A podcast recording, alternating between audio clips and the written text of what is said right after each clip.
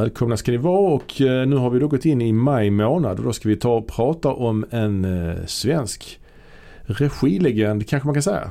Mm. Eller en regissör som det inte pratas så jättemycket om längre som det kanske borde gjort. Mm. Alltså det borde pratas mer om. Ja, precis. Och jag pratar då alltså om Maj Zetterling.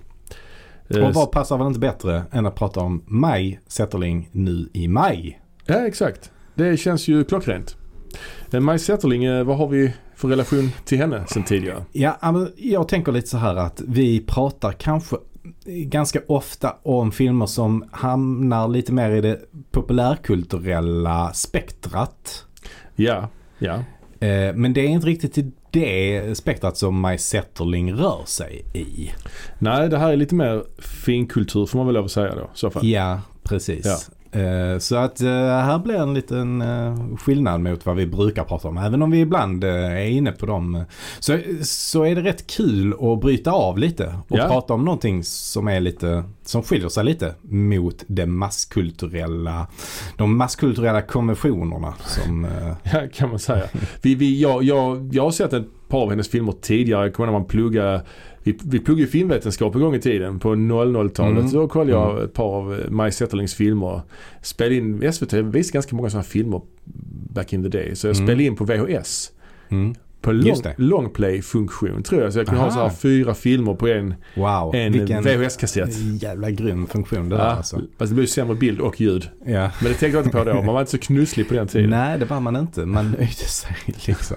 Ja, ja verkligen. Ehm, men eh, ja, ska vi prata lite grann om hennes bakgrund först kanske? Ja, men det kan vi göra. Hon började ju som skådespelare. Innan hon Ja. blev regissör. Ja, precis. Alltså hon, hon kom ju från en ganska eh, fattig bakgrund ju. Alltså lite så arbetarklass. Ja. Eh, och hon flyttade, hon är från Västerås från början. Mm. Men flyttade till Stockholm ganska tidigt och eh, dess, inför, inf, eller dessförinnan så så var, tror jag hon har bott i Australien och lite sånt också. Mhm. Ja, alltså att de har flyttat runt lite. Hon har väl inte haft en sådär särskilt trygg uppväxt. Liksom. Nej, nej. Eh, och hoppade av skolan ganska tidigt och började jobba. Men sen så kom hon då i kontakt med Kalle Flygare. Känner du till? Eh, Ja, jag känner till Teaterskolan. Ja, precis. Så det grundades av, Kalle Flygare. Kalle Ja, det var Flygare. alltså en person då som, eh, som inte riktigt lyckades som skådespelare. Men som Mm. då istället grundade en teaterskola på 40-talet i Stockholm. ganska ansedd skola väl? Eller? Ja, absolut. Ja. Verkligen. Ja. Eh, han, han var en eh, duktig pedagog liksom. Och det är många, många så. Ja men Harriet Andersson har gått där till exempel. Har inte Christer Pettersson gått där? Alltså Eh, den tidigare Ma- Palmemördaren. Just det. Eh, det, vet, det vet jag inte Ja, okay. han har. Men han har gått, han har en teaterutbildning. Ja, Har okej. inte han till och med gått, har han gått scenskola? Ja, det tror jag inte. Nej, det har han kanske Nej. Nej, men eh, däremot eh, en del kända skådespelare har gått där. Ja. Kanske Lars Ekborg har gått där. Jaha. Kanske. Ja, Ingrid Langré vet jag har gått där Jaha. också. okej. Okej, okej. ja, för jag tror hon har gått i samma, mm, hon och uh, Maj Zetterling gick i samma klass, tror jag. Mhm, Okej. Jag är inte helt hundra på det. Men eh, jag vet i alla fall att Harriet Andersson har gått där också. Ja. Mm, och i alla fall, det var ju någon slags förberedande utbildning.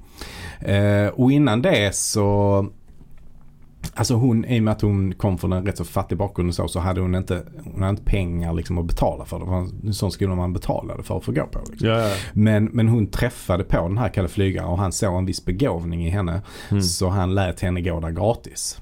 Ja. Och sen så sökte hon då in till Dramatens elevskola som det heter. Eller hette, förlåt. Ja, ja. Eh, det finns ju inte längre. Men, men, eh, och kom in där som en av de allra yngsta som någonsin har gått där. Så hon började Mm. där när hon var 17 tror jag. Ja, precis. Så hon, hon var ju jätteung när hon började där. Och ganska tidigt fick hon också kontakt med Alf Sjöberg. Ja, regissören. Regissören Mm. Alf Sjöberg. Han var verksam på Dramaten. Och då plockade han upp henne där från eh, eh, Dramatens elevskola in i liksom, eh, uppsättningar. Så att hon, hon fick börja göra småroller väldigt, väldigt tidigt. Liksom. Mm. Och det ledde sen också till att han eh, gav henne rollen i filmen Hets. Just det. Som kom 44. Manus Ingmar Bergman. Precis. Och eh, han var ju även arbetade ju också på filmen som kanske regiassistent eller Ja. skripta eller någonting sånt. Ja, det är film i skolmiljö. ja, det är en film i skolmiljö. Eh, Stig Järrel i den ikoniska rollen som Caligula va? Ja, och Alf Kjellin då Just det, som Kjellin. spelar eh, Jan Inge tror jag han heter. Den karaktär, Jan-Erik heter den karaktären. Och Alf Kjellin han fick väl en eh, internationell karriär sen? Absolut, det Ja. fick han verkligen. Och, eh, alltså, men, men det intressanta här är ändå att, att Maj Zetterling parades ihop med, med Alf Kjellin i den här filmen. Men det, de kom att göra eh, ytterligare tre filmer tillsammans där de spelar ett kärlekspar Jaha. på 40-talet. Så att eh, de är ganska sammanlänkade här väldigt tidigt. Mm. Och Alf Kjellin blev ju också eh, omnämnd som, eh, eller han blev utvald till den mest omtyckta svenska skådespelaren på 40-talet Jaha. i Sverige. Eh, Men du har helt rätt i det att han, eh, han hade ju en, eh, han gjorde rätt många eh, filmer där på 40-talet och tillsammans med Zetterling så gjorde han även filmen eh, Driver dag faller regn som ju blev en riktig kioskvältare. Eh, och startade en helt ny trend med den här typen av bonnaromantik eller vad man ska kalla det för. Just det. Eh, sen gjorde de då utöver det även Prins Gustav och Iris och Löjtnantshjärta. Och i alla de här filmerna så spelar de kärlekspar liksom. Så att de var ganska sammanlänkade på den här tiden. Mm. Och efter det här så, eh, Alf Kjellin då, han stack ju då till Hollywood. Ja. Ehm, och eh, där gick det väl si så där för hans karriär kan man väl säga. Mm. Eh, han fick ju en roll i eh, Madame Bovary som ju är regisserad av uh, Vincente Minelli. ja, Liza Minnellis pappa. Ja, precis. Ja. Eh, mycket känd och uppburen också tror jag. Eh, Musikalregissör. Ja, ja, ja. Och där fick han, men då, vet du vad han gjorde då? Då bytte han namn. Då, då, Mm. då jobbade han under artistnamnet Christopher Kent. Oj. Konstigt. Ja, ja. Klart Alf Kjellin är ett svårt namn kanske. ja det är rätt. Hur Alf. uttalar man Kjellin på, på Kjellin. Kjellin? Han Kjellin. borde bara ändrat stavning på det kanske. Ja, Kjellin. Kjellin. Ändrat efternamn bara kanske. Ja. Ja, precis. För Alf, det funkar ju. Ja, det är ju en tv-serie från 80-talet. med Exakt. Den här utomjordingen som vi Ja, minns. precis. Ja. Ja, men i alla fall så, eh, men, men, eh, och sen gjorde han ytterligare några andra roller också. Han är, i han är till exempel med i den här Polarstation Ja. Zebra, Zebra svarar inte. ja, Alistair McLean filmatisering. Ja. ja. En av hans sista filmer tror jag. Kanske. Ja, precis. Ja. Det är det ju. Och sen, men sen det som är grejen är att han började regissera istället. Ja, ja, ja. Eh, Så att han regisserade, men han, han regisserade väl aldrig någon riktig långfilm på bio så liksom. Utan Nej. han, han regisserade tv-produktioner. Mm. Mycket tv-serier och tv-filmer och den eh, typen av grejer. Bland annat så har han gjort några avsnitt av Hitchcock Hour. ja, ja. Och det är ju ändå um, Ja, ja. lite kul tycker jag. Oh, ja, oh, ja. Och uh, Bröderna Cartwright har han också regisserat. Ah, Bonanza. Ja, och Mm. då eh, den här långköraren Dynastin. Ja, ja, ja. Dynasty. Ja, Mm. precis. Men tillbaka till Maj då. Tillbaka till mig. Hon, Ja, hon grejen där- flydde väl landet va? Ja, det gjorde hon ju. Ehm, eller rättare sagt, så hon var ju väldigt framgångsrik som sagt på 40-talet. Ja. Och sen så eh, hade man då i England skulle man göra en film som heter Frida. Mm. Som ju då handlar om en eh, engelsk officer som tar med sig en, en, en tysk eh, tjej tillbaka till England. Men man ville inte ha en tysk i eh, rollen. Mhm. För det, alltså förproduktionen på detta började i princip direkt när kriget hade avslutats. Liksom. Ja, ja, och så det var lite- fortfarande väldigt känsligt. Man Lite inte ha, stökigt ja. det var stökigt. Mhm. Man ville ha någon annan nationalitet än en tysk. Liksom. Ja. Och då tänkte man att Sverige var någon slags mellanting mellan Tyskland och England kanske. ja, ja. ja, kanske. Så de, de var i, de var, det var han Basil Derden som eh, regisserade den och han var, eh, var i Sverige och eh, hade öppen casting och då ställde Ja. Maj upp på det och hon blev till slut utvald att spela huvudrollen Frida. Och på det sättet var det att hon fick sin första engelska roll. Ja. Ehm, men sen så eh, återvände hon ändå till Sverige och eh, spelade in till exempel Musik i mörker. Som Ja. ju är en av Bergmans första filmer. Just det. Det var en film där eh, Bergman skulle, han fick krav på sig att han skulle vara lite folklig. Och då tyckte han att det var bra att kasta Maj i den rollen. Mm. Så att hon fick liksom lite så ganska folkliga roller kan Mm. man väl säga. Mm. Och hon, de rollerna hon fick var väl lite som den så här eh, späda flickan i början i alla fall. Mm. Så det är ing, inte riktigt några roller att bita i. Jag kan Nej. i och för sig tycka att i filmen Hets som ju ändå är, jag tycker det är en jättebra film som Mm. Mm. fortfarande håller idag. Framförallt på grund av det visuella kanske. Den Ja, är- lite expressionistiskt va, nästan. Verkligen. Ja, ja. Tysk expressionistisk Ja. liksom. Den Regn, är, regn på rutor som ja och ja. skuggor Ja, och ja. sådana grejer. Ja. Så att det är, mm, ja jag gillar det. det. Det är snyggt. Men där spelar hon ju lite av en bad girl kanske man kan kalla det för. Mm. Hon jobbar i en tobaksaffär och har ett, eh, har ett förhållande då med Alf Kjellins karaktär. Mm. Som fortfarande går i skolan och mot hans föräldrars vilja och så vidare. Liksom. Så att ehm, Ja. sen har hon ju också då något slags förhållande med den här Caligula Just som det. spelas av Stig Järrel. ja. Ikonisk. Ja, verkligen. verkligen. Ja. Ja. Det var väl, de tog inspiration av eh, Heinrich Himmler va? Han skulle vara lik Heinrich Himmler har jag för mig. Gjorde de? Caligula. Jag Jaha. tror det var så Alf Sjöberg tänkte när de Ja, okej. tog fram den karaktären på något sätt. Ja, ja. ja, spännande. Eh, ja. Mm. Och sen efter det så som sagt gjorde hon ju den här Driver drag faller regn och den gick ju verkligen, verkligen bra. Mm. Ehm, och där spelar hon också en, en, en flicka som då är, hon, hon ska gifta sig, eller liksom familjen har väl arrangerat ett äktenskap då med en annan eh, lite rikare bonde som spelas av Ulf Palme. Eh, men, men hon träffar då den här Alf Kjellin som är en forskar. Så Mm. han, eh, han sitter mycket vid forsen och spelar fiol. Alltså ingen, han är ingen forskare utan en forskar. En forskar. Ja. Ingen forskare. Nej. Nej, precis. Eh, och det, är- det är mycket att han sitter eh, barfota och barbröstad och spelar fiol och spanar ut över Mm. den dramatiska norrländska forsen. Liksom. Mm. Och det är eh, bunnarromantik så det förslår. Och, men i alla fall så blev det ju en riktig kanonhit och startade någon slags trend av eh, allmogeromantik Mm. i Sverige. Eh, och i övrigt så är det ju vad man, precis vad man kan förvänta sig av det. Det är liksom drängaslagsmål, jaktscener med häst och vagn och sånt. Ja. Eh, där det ser ut som att, eh, att, att Maj själv är den som kör eh, vagnen. Liksom. Det, Mhm. det ser ändå ut som att hon är, ja, hon gör ändå lite avancerade stunts i den ser det Ja, ut som. Tycker kul. jag. Ja. Jag vet inte om det är hon eller om de har använt en stuntperson. Liksom. Men, eh. Hmm. Ja, och i alla fall det finns ingen riktig statistik på, på de här sakerna. Men detta ska vara alltså den första ljudfilmen som drar in över en miljon kronor i Sverige. Jaha. Och det låter ju extremt mycket att den drar in så mycket pengar liksom. Mm. Eh, det pratas om en publiksiffra på två miljoner eh, besökare. Oj.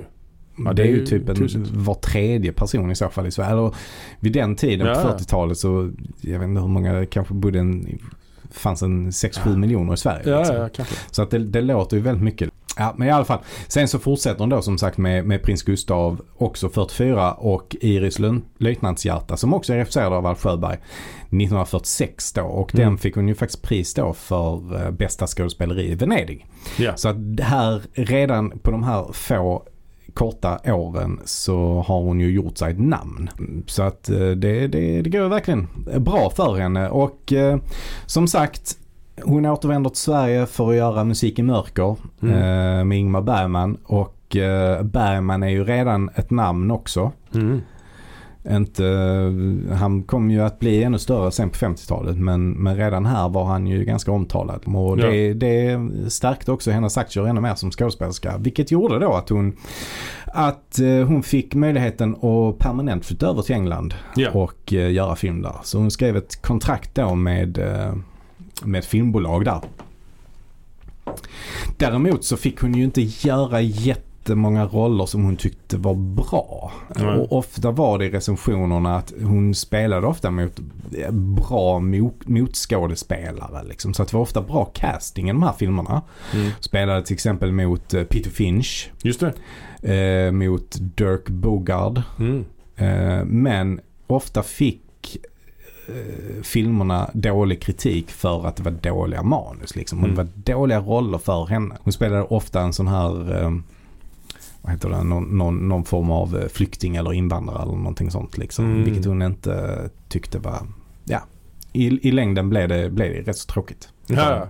Hon gjorde väl någon film med Peter Sellers också va? Det gjorde hon. Eh, 1962. Ja, det var senare. Så det var, eh, det var en stund senare. Mm. Eh, och innan det var hon ju faktiskt över i Hollywood en sväng också och Just det. gjorde film med Danny Kaye. Ja, Det blev nog bara den filmen vad jag vet. Mm. Eh, och det är då filmen som heter Ta i trä just det.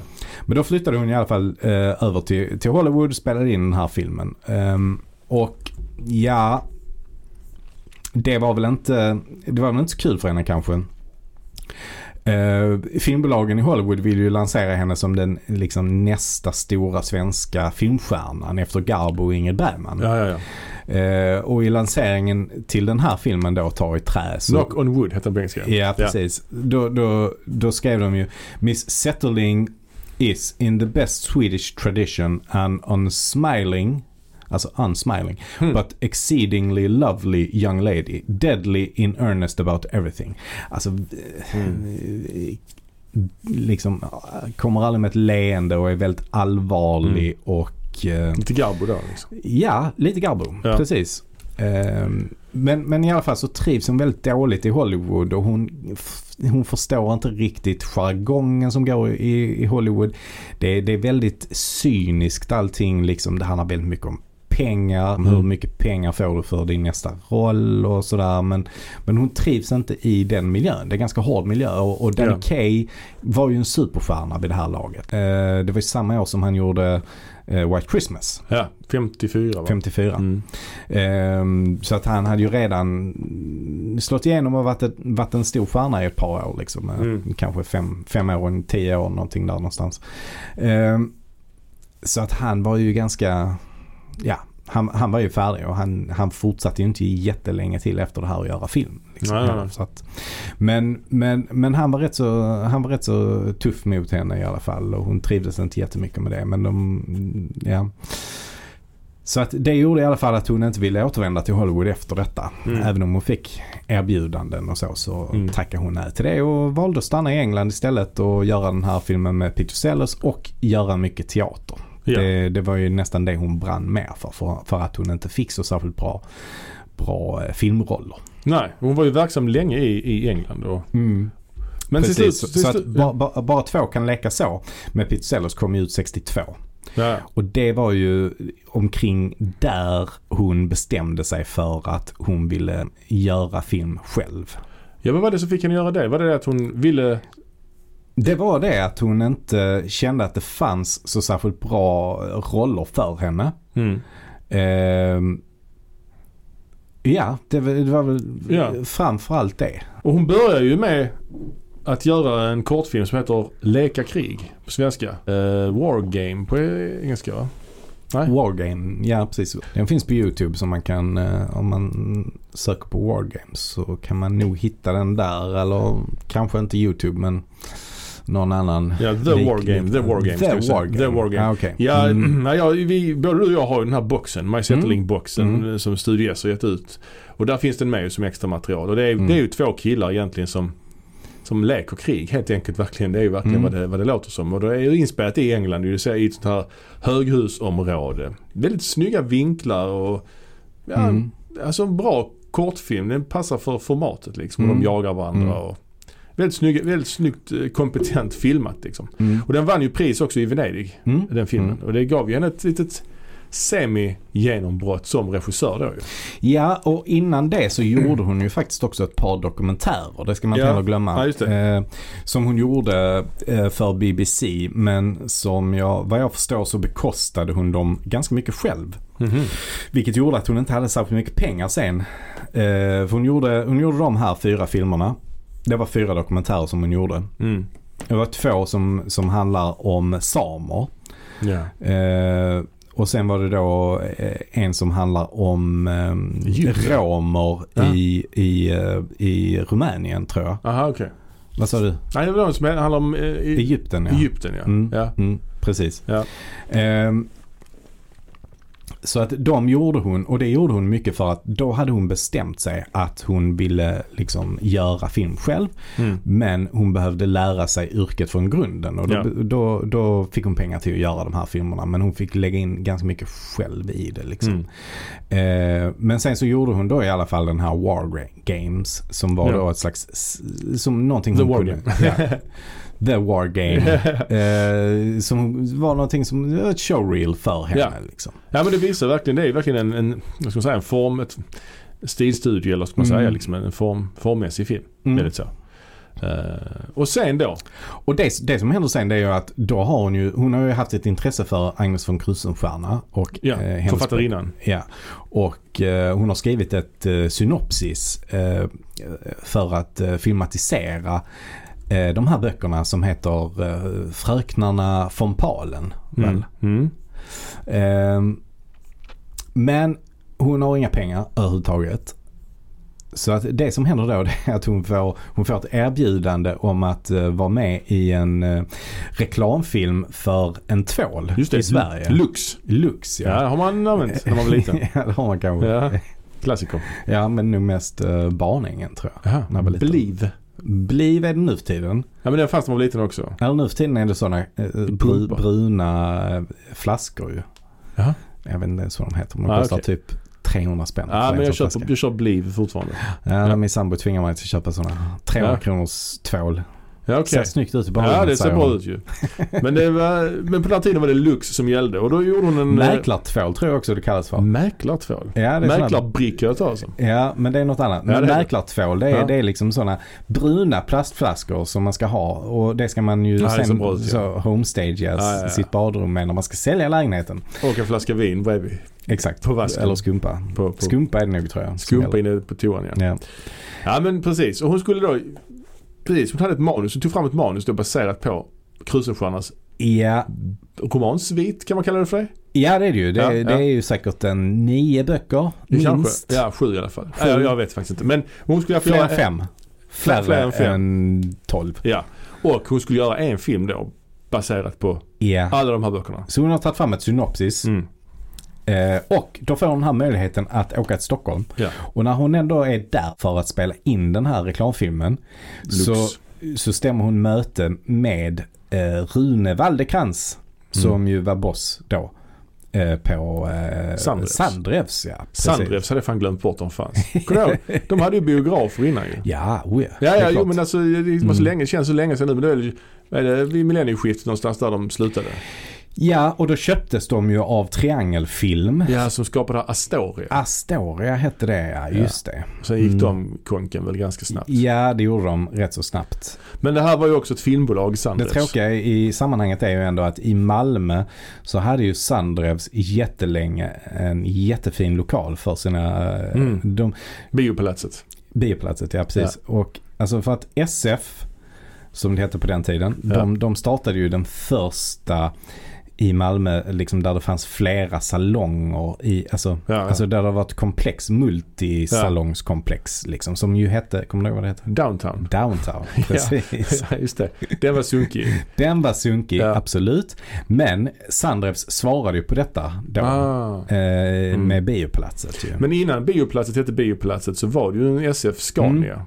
Då var det Mm. två salonger bara. Men den, vad du ville säga var väl att den här eh, biografen var ju väldigt vacker. Det ja, var ju en, var ju så en lång sån här gång man gick in i med takmålningar och, och Ja. så. Nu är det en möbelaffär där inne. Ja, ja. Men Och gången har de ändå fortfarande bevarat till viss del. till viss del ja, absolut. Och de, de ja, där, det kan vara så att det står en och annan filmkamera eller det är någon projektor sånt. precis som kommer in, tror jag sånt, faktiskt, ja. fortfarande. Ja, ja. Men Sandres var ju också ett filmbolag så det var ju inte bara Mm. en biografkedja. Precis som SF. Ja, Mm. vertikalt integrerad typ. Exakt. Ja. Ja. Så att de, eh, hon fick pengar där. Det Mm. gick bra för henne. Mm. Och hon fick finansiering för sin eh, långfilmsdebut då. Mm. Eh, Älskande par. Ja. 1964. Och eh, ja, den här filmen, i den här filmen som, eh, eh, ja vi kan se i huvudrollerna ser vi Harriet Andersson, Gunnel Lindblom framförallt. Eh, och Gio Petré också. Mm. Så de tre tjejerna Agda, Adele och Angela. Mm. Så det är lite så.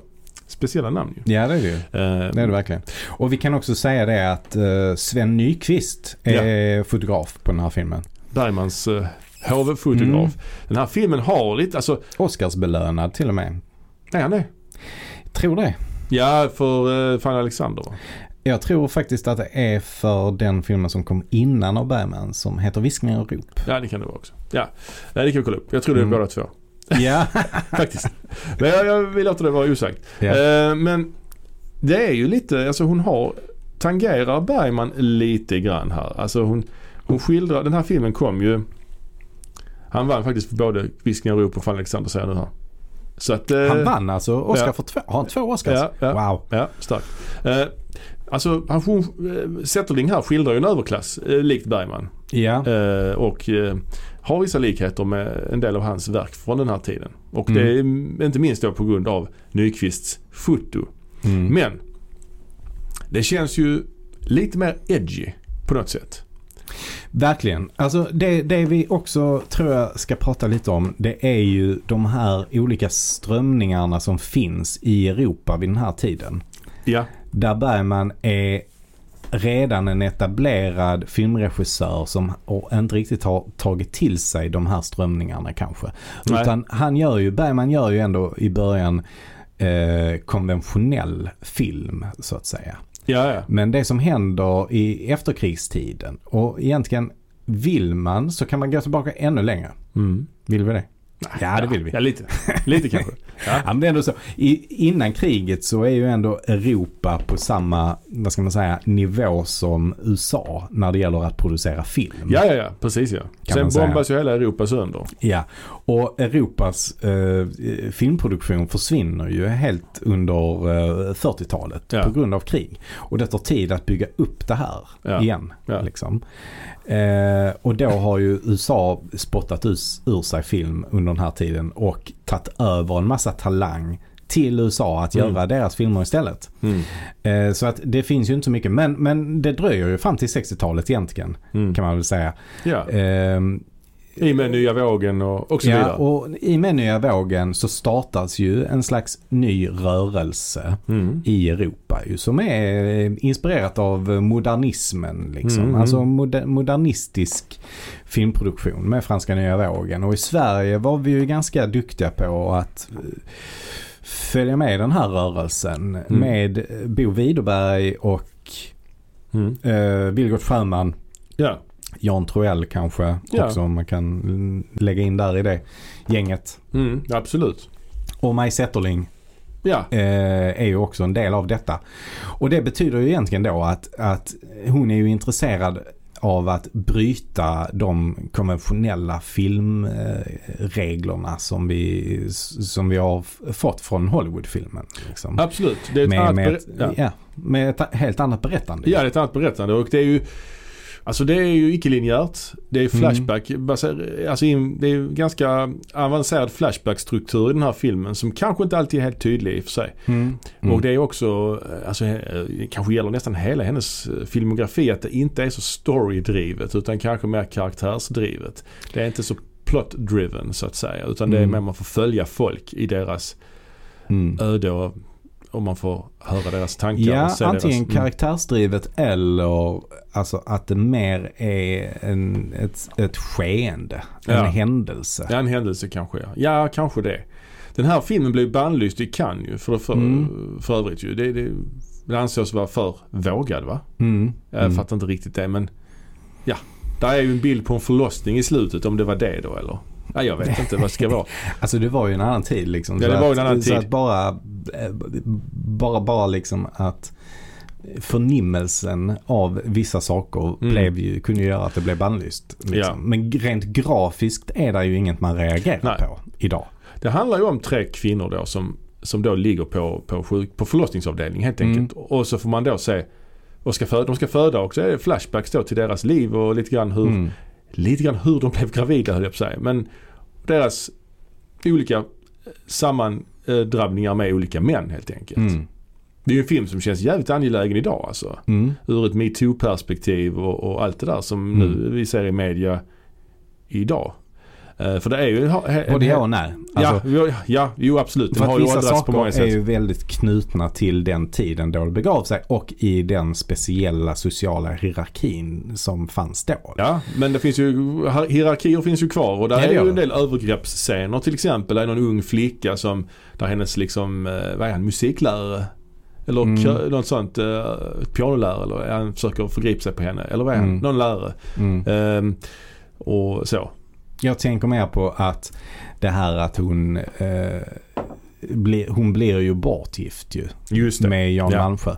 Ja. Sånt kanske inte riktigt förekommer i överklassen och, och liksom Nej, den här nej. strukturen med att, att det finns en överklass på det sättet är inte lika tydligt idag längre. Nej det är det inte på det sättet. Det är, det är inte, så, eh, inte så tydligt. Alltså det finns inte en homogen överklass och en homogen arbetarklass. Nej, nej, kanske inte på det för sättet. att det finns en gigantisk medelklass istället. Det är klart att det fortfarande finns någon slags överklass men inte på samma sätt som då. Nej men visst. Ja just nämnde, nämnde Jan Malmsjö. Den är ju, det är en ganska, ändå ganska stjärnspäckad film. Vi har ju Oh, som ja. sagt, Mm. Jan Malmsjö är ju med.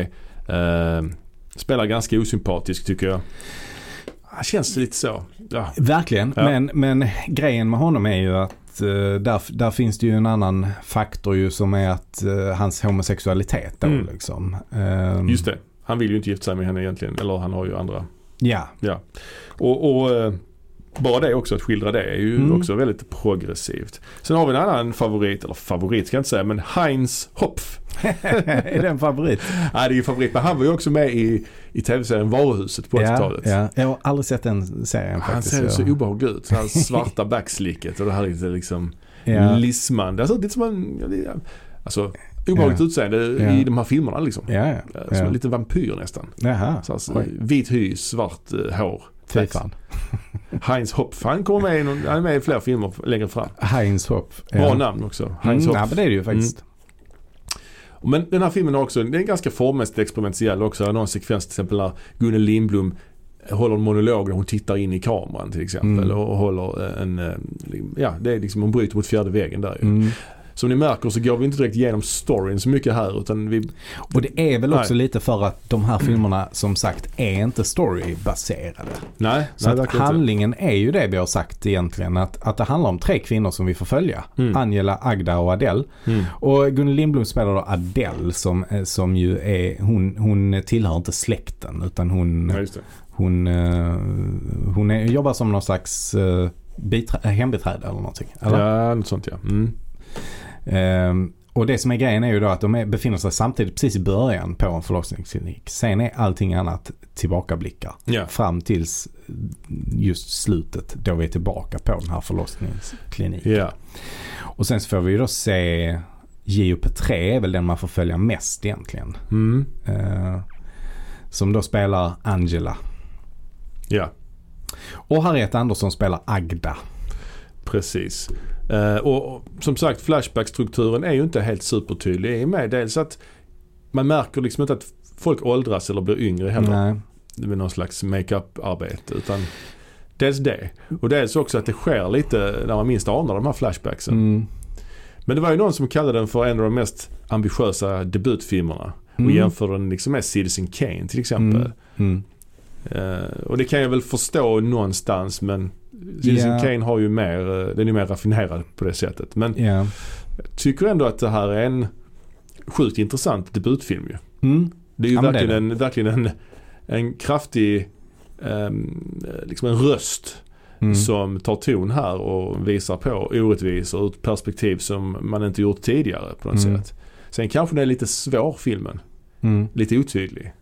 Hade kanske tjänat på att vara lite tydligare Ja. i sin struktur. ja, precis. Ehm, Men där tror jag också att den, den, den, den, när, eftersom den är gjord i den tiden så Mm. fanns det också en, en, eh, ett behov av den typen av filmer som inte var så tydliga. Alltså det låg lite Mm. i tiden Ja, att göra filmer på det här sättet. Liksom. Ja men detta var ju som sagt i skuggan av ehm, nya vågen där när man precis, när man började med den här autörteorin, när man började liksom se film som, som konst på riktigt. Ja. Och då blev ju kanske lite grann att man gjorde lite mer arty films efter, Precis, efter det. och, och det gjordes inte lika mycket filmer som det görs idag. Så grejen är att när det görs någonting Mm. liknande idag så får det ju inte alls samma genomslag.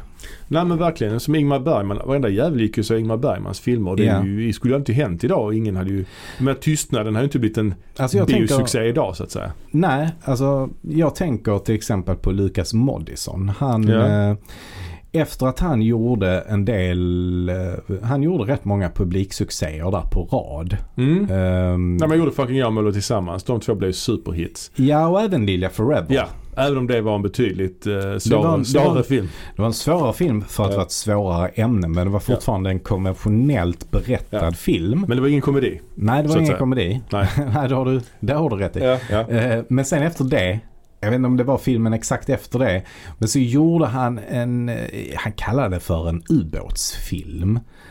Var den här Container? Container hette den. Ja, det var någon slags konstfilm ju. Mm, Mm. Exakt. Den tycker jag att man kan jämföra detta lite med. Ja, Eh, fast den var väl ännu svårare? eller? Ja, det var den ju. Ja. Den, den, den, hade, den hade ju ännu mindre handling. Liksom. ja, ja. Men min poäng är väl bara att det var ju ingen som gick och såg den. Nej, det var det för inte. att idag finns det ett mycket större utbud. Mm. Medan på den, på den tiden så gick folk ändå och såg de här grejerna också. Ja, jag kommer ihåg när vi liksom. såg, vi såg han gjorde här ett hål i mitt hjärta också. Mm.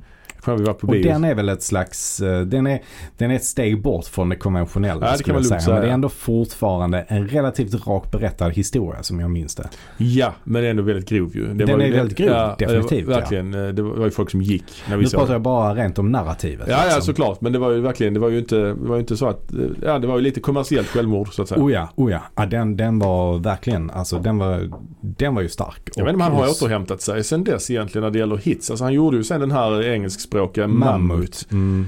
Och sen Men den gjorde blev ju, den blev, tyvärr blev ju det en flopp ju. han, ja, ja. Jag har faktiskt inte sett den så jag kan inte säga så mycket om vad jag tycker om den. Men Jag såg den på bio tror jag men jag kommer inte ihåg någonting. liksom. nej. Nej. Nej, eh, det enda jag vet är att den, ble, att den blev en flopp och att det var ganska mycket pengar som var involverat där eftersom det var en internationell film. Ja. Så, så att eh, efter den i alla fall, han fick ju i alla fall chansen att göra den. Men eftersom den inte gick bra så har han ju inte återhämtat sig. Han gjorde en film till den här Vi är bäst va? Mm. Den har jag inte sett faktiskt. Nej, jag har sett den men ehm, Det var lite mer back to basics. Den var definitivt back to basics. Ja. Eh, och i, jag tror inte det blev en jättestor hit. Men den, den eh, spelade säkert in sina pengar tror jag. Ja. Men, men det var ju inget som... När han, alltså det var ju inte som när han gjorde fucking Åmål. Liksom. Nej, nej, nej. Alltså Nej. det är ju inte alls samma, på samma nivå. Ska vi gå Och vidare? sen har han ju då också gjort filmen, eller serien Gösta på HBO. Ja, det har jag inte sett heller. Jag har kollat lite på den. Men, men det är ju heller ingenting som, som sticker ut direkt. Det är ingenting Så. vi hänger i julaträet som vi säger. Nej, precis. Ska vi gå vidare med maj då efter den här Modison-parentesen då? Ja, jag skulle också bara Mm. punktera Ja, att förlåt. jag såg faktiskt en film som jag också vill likna lite vid, vid, vid de här. Och det är ju då eh, eh, Charlie Kaufmans film eh, som Mm. kom förra året. Den är ju också lite i den här häraden kan man säga. I'm thinking gäller- of ending things. Ja, precis. Den är också lite i denna häraden. Alltså Mm. att den är lite modernistisk i sitt narrativ. Man fattar inte riktigt vad det är filmen handlar om och det är mycket flashbacks och sånt. Ja, Liksom. ja. Så att det jag vill säga är att det förekommer fortfarande lite då och då men det är väldigt sällsynt idag. Men Ja. på 60-talet var det ju en helt annan sak. Ska vi gå vidare till nästa film? Det gör vi. Ja. Och det är ju 1966. Då gjorde hon filmen Nattlek. Just det. Eh, och eh, där har, har, har, fortsätter hon ju på eh, det här spåret lite. Alltså det är ju här är nästan ännu mer dekadent så skulle jag säga. Ja, Alltså, definitivt. Här är ju en skildring av, också en skildring av överklassens dekadens på något sätt. Mm. Ehm, och den handlar ju om ett par. Spelas av Kevin Hjelm och Lena Brundin heter hon va? Mm. Och hur han då visar runt henne i eh, sitt gamla barndomshem. Mm. Eller de, ja, som är nästan som ett slott. Eller det är ett Det är slott. slott, ja. Det är inspelat på ett slott ju. Mm. Ehm, och eh, då får man se flashback sen till hans barndom då. Hur hans mamma då, spelad av Ingrid Thulin, ytterligare en Bergman-skådis, Mm. känd från ja, Tystnaden och Viskningar och rop bland annat. Um, hur hon då behandlade honom. Smultronstället. Ja, där är hon med också Där är såklart. hon med. Ja. Och det här frågar jag, såg någon intervju med Maj Zetterling om den här filmen där Ja. de frågar henne liksom, är det här en film om kvinnlig frigörelse? Men här menar hon ju på att det här är en film om mänsklig frigörelse. Ja, För det är ja. viktigare än kvinnlig frigörelse. Hon var lite så, ibland så reluctant feminist på något sätt. Precis, hon ville liksom inte riktigt... eh, ja, det känns inte som att hon ville frivilligt del, delta i den rörelsen. Nej, kanske inte. Men eh, var det en, en eh, lite mer ny intervju eller var det en intervju som gjordes då i samband med inspelningen? Jag tror det var då faktiskt. Det var då? Jag tror ja. det. Jag tror det. För jag kan ändå tänka mig att hon ändrar sig lite eh, på 80-talet och ändå blir... Eh, jag tror aldrig hon var en uttalad feminist. Ja, liksom. kanske inte det. Men, men å andra sidan, de, de teorierna som finns nu kring det och Mm. den utbildningen som finns nu var ju inte samma sak på 80-talet. Så, Nej, nej, nej. nej. Eh, manuset skrev hon ju tillsammans med sin man då, David Hughes, engelsman, som eh, var författare. Hon jobbade med honom ganska mycket väl på, på olika manus. Ja, eh, han skrev också manus till förra filmen Ja. tillsammans med Zetterling. Ja. Ehm, och den här filmen blev ju som sagt väldigt kontroversiell. Eh, den gick ju eh, på San Franciscos filmfestival. Jaha. Eh, men eh, Shirley Temple, Mhm. den gamla barnstjärnan, Mm. hon satt i juryn där men hon lämnade festivalen för hon ansåg att den här filmen, Nattlek då, var pornografi. Oj, Ja. jaha. För Eh, Shirley Temple var väl, eh, alltså jag har, jag har för mig att Maj Zetterling ser upp väldigt mycket till henne. Jaså? Ja, Ja, jag har för mig att det var en sån eh, idol till henne när hon var, när Maj Zetterling själv var ung. Liksom. Ja, det är ju inte omöjligt. Det är inte omöjligt alls. Eh, men den här filmen är ju som sagt väldigt dekadent. Det inleds ju med en eh, flashback då till när eh, den här uh, KVMs karaktär eh, Jan som han heter. Mm.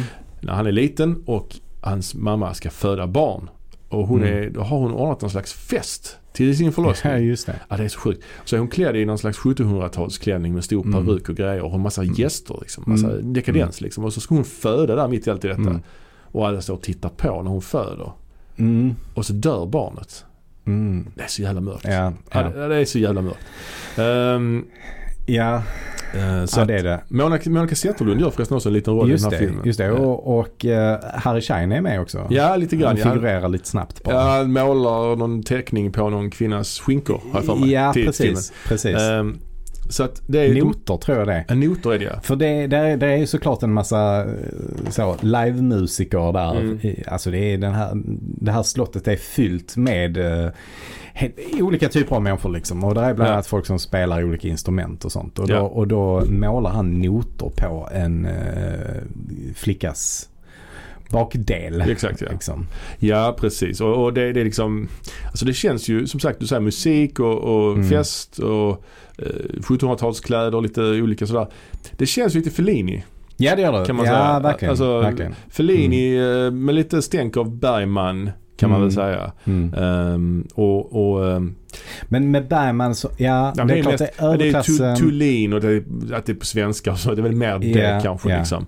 Att Ja. hon, hon är så förknippad med Bergman så det kanske därför egentligen. Ja, ja. Precis. Och så de har använt samma eh, musikstycke som i Clockwork Orange också. Det här är väl Beethoven då tror jag. Eh, Nej, det är väl Barry Lyndon. Är det Barry Lyndon? Ja. Ja det är det nog Det är ja. samma musik som i Barry Lyndon, ja. Så är det. Mm. Just det. Eh, jag tyckte väl jag kände igen. Fast det är tidigare än Barry Lyndon ju. Så det Ja, är, man ska egentligen säga tvärtom. Det ska man göra. Så det var kanske det att Stanley Kubrick blev inspirerad av Maj Zetterling. Det vet vi inte. Nej, Jörgen Lindström, skådespelaren, just det. spelar Mm. eh, då i Flashback senare. Och han är ju också med i uh, en Bergman-film ju. Ja, Tystnaden. Just det. Med, Mm. Också med Ingrid Thulin ju. Ja. Och ja. han spelar ju då Jan som, som pojke, 12 år. Mm.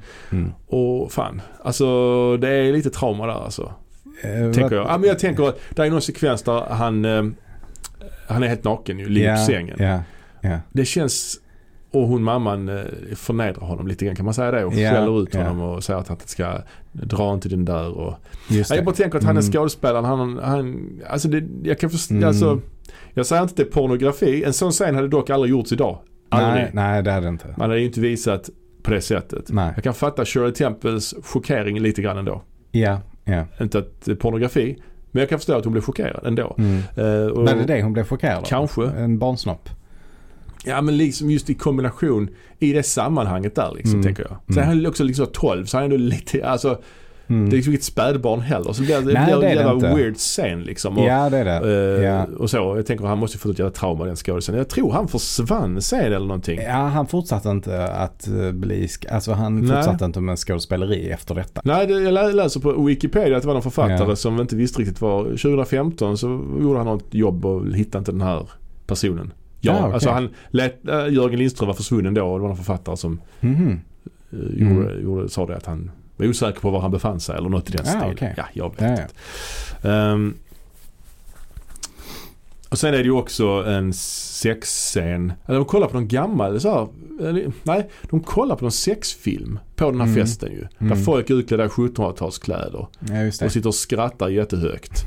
Så det är en kvinna som ställer sig och låter liksom den här sexfilmen projiceras på hennes kropp. Så det ser ut som att de tar på hennes Mm, kropp liksom. Mm. Ja, just det. Och alla det. skrattar jättemycket. Här tänker jag då på eh, fredag den 13 del 4. där det är en av eh, de här eh, ungdomarna som hittar en stumfilms en Ja, sexfilm. Och Ja, sitter och tittar på den och skrattar. Ja, kanske kanske de också har sett den här filmen och blivit inspirerade. Så, så kan det vara. Så kan det vara faktiskt. Ja men det, det är liksom det är rätt så dekadent. Ibland på gränsen till det skitnödiga. Att det är lite så överklassens dekadens och det ska vara lite ho ho haha ja, ja. faktiskt. ja, men absolut. Absolut. Och jag tänker mig att här i de här två första filmerna så Mm. spelar hennes bakgrund viss roll. Ja, ja. Kanske. I och med att hon själv kommer från den här fattiga bakgrunden Mm. och hela tiden har Alltså hon har ju haft flyt under sin tid som skådespelerska. I alla fall precis i början. Mm. Men en sak som hon säger, hon har ju skrivit en självbiografi också som heter Osminkat som kom ut på 80-talet. Ja. Och där, där beskriver hon ju bland annat att eh, hon inte riktigt kände att hon passade in när hon väl kom in på eh, Dramatens elevskola. Att hon, att hon kände att hon hade lite Mm. De andra kom från finare familjer, de var bättre på att föra sig ja. och, och, och hon vågade knappt prata. Så hon blev väldigt blyg. Mm. Och det, den blygheten har egentligen följt med henne hela tiden. För hon säger ungefär samma sak när hon var i Hollywood. Att hon Mm. kände sig inte riktigt hemma där och hon var ganska, hon var ganska blyg. Och det var så hon blev porträtterad också ju. Som den allvarliga som aldrig drog på smilbanden. Eh, Så att jag tänker att det kan vara någonting som har följt med henne. Att hon har sett på överklassen utifrån. Ja. Och därför blir det ju kanske också lätt att kritisera den. ja, absolut. Rimligt. Till skillnad då från von Krusenstjerna som ju var en del av överklassen själv. Ja, ja. Och kritiserade mer inifrån. ja, just det. Just det. Ehm, Ja men precis. Det är också en sekvens där Kevin Hjelm spyr. Mm. Som också kanske var rätt så äckligt Mm, på den tiden. mm. Liksom. Det är ju fortfarande ganska äckligt. Mm. Men jag menar på den tiden. Sen är det ju så att eh, filmens eh, klimax är ju när Keve då bestämmer sig för att han ska ordna ett stort party. just det. Det största Mm. som någonsin anordnats. Mm. Jag gillar att han använder ordet party. ja. Och så ska han då spränga huset i luften. För att på så sätt göra upp med sin barndom antar jag. Mm. Och då bjuder in skitmycket folk. Och så berättar han ju så här att han ska spränga huset. Och då, då börjar folk liksom roffa åt sig girigt av eh, olika släktklenoder och eh, som så här, serverings... Vad heter det? Silvert och Ja, ja. allt sånt som är i huset. Alla rikedomar i huset. Mm. Girigt. Monica Zetterlund tar på sig så här fem olika pälsar till exempel. För att få med sig allting ut innan huset sprängs. Liksom, Ja, ja, ja. ja, det är ty- Tydlig- tydliga metaforer. Och det är, väl det, som är, det är väl det som är filmens poäng också. Mm. Att för att han ska kunna komma vidare i sitt eh, förhållande med den här nya tjejen. Då. Lite av filmens tema eh, blir, det blir ju väldigt tydligt här. Alltså Mm. att han, eh, KVMs karaktär då, för det är det det handlar om liksom. För att han ska kunna gå vidare med, med i sitt förhållande så måste han göra upp med sin barndom. Ja. Och alla de sakerna egentligen som hör barndomen till och Mm. eh, hans ägodelar också. Mm.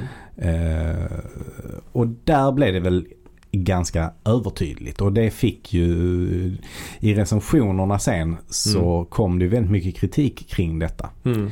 Den förra filmen fick ju odelat positiv kritik Ja. medan den här då blev ganska sågad får man säga på grund av att det var för övertydligt allting. Ja, okej. Ja. ja, visst det kan jag väl köpa. Men jag blir ändå, ändå ganska imponerad att de verkligen spränger huset. Ja, verkligen. Vi gör inte det på riktigt såklart och Nej. spränger någonting annat. Men ändå, Ja. det är en Det är en explosion. modell de spränger tror jag. Ja, det Ja. ser ändå rätt så bra ut. Ja, absolut. Eh. ja, det tycker jag. Ja, absolut. Och så det, spelar de med musik och jag förstår, vad jag förstår som så är det ju både Georg Riedel ja. och Jan Johansson Ja, de, ja, ja, visst. De sitter där på den, eh, det är en lastbil. Ja, precis. Ja. Eh, på, så sitter de där bak på flaket och, och spelar en uh, uppjassad version av Du gamla du fria tror jag. Ja, just det. Ja. Just det. Och sen så leker då, eller leker, men så, ja de eh, ligger och rullar runt i snön. Mm. Eh, Keve Mm. och, och eh, Lena Brundin där. Mm. Mm. Eh, jag tänker på en annan, annan film som kommit eh, kanske tio år senare eller sju, åtta år senare. Det är ju den här brakfesten. Mm. Eh, Mm. Den här av eh, Ferreri, den här italienska. Mhm. Den, eh, ja, Har jag sett den? Det är några överklasspersoner i, i Paris Mm. tror jag som då ska äta ihjäl sig. Mm. Som låser in sig i ett hus och börjar Nej, den har jag inte sett. Jag tänker på skit, eh, vad heter den? Skitiga, elaka. Fula skitiga elaka. ja det är det. är, det, de käkar också mat. Ja det gör de ju. Ja. Ja. Men det, det, det här, jag, tänker att han kanske också eh, såg den här filmen. Och blev Ja. lite inspirerad. För det är just Mm. den här dekadensen, det här med att de ska roffa åt sig allting i huset och Mm. det här bara Mm. överflödet liksom. Mm. Ja, jag tycker, jag tycker, fan jag tycker den här är schysst alltså. Ja, jag gillar den också. Jag gillar den här Absolut. jättemycket. Mm. Eh, visst den är lite övertydlig med låt och den har åldrats lite dåligt ur vissa aspekter. Det är ju lite teatralt, lite skitnödigt som sagt. Men Mm. den har ju ändå, den är ju väldigt edgy fortfarande tycker jag. Och, och Mm. snygg, väldigt snygg. Mm. Men, men eh, Fellinis 8,5 eh, Mm.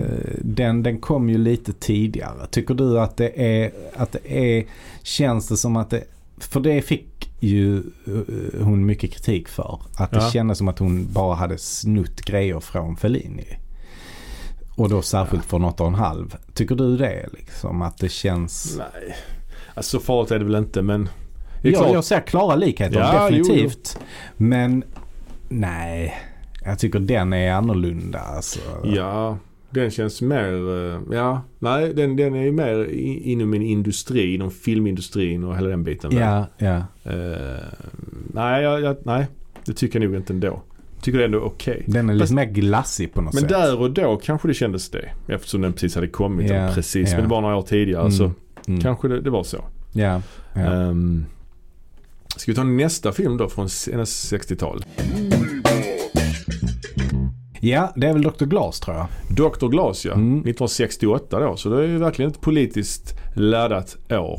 Ja, Det var väl Cannes, Cannes-festivalen var väl inställd år, det året då. Så hon, just det. Det var den. vi glömde förresten säga det att den förra filmen blev ju också väldigt kontroversiell i Cannes eftersom eh, filmplanschen till Mm. nattlek föreställer ju ett samlag.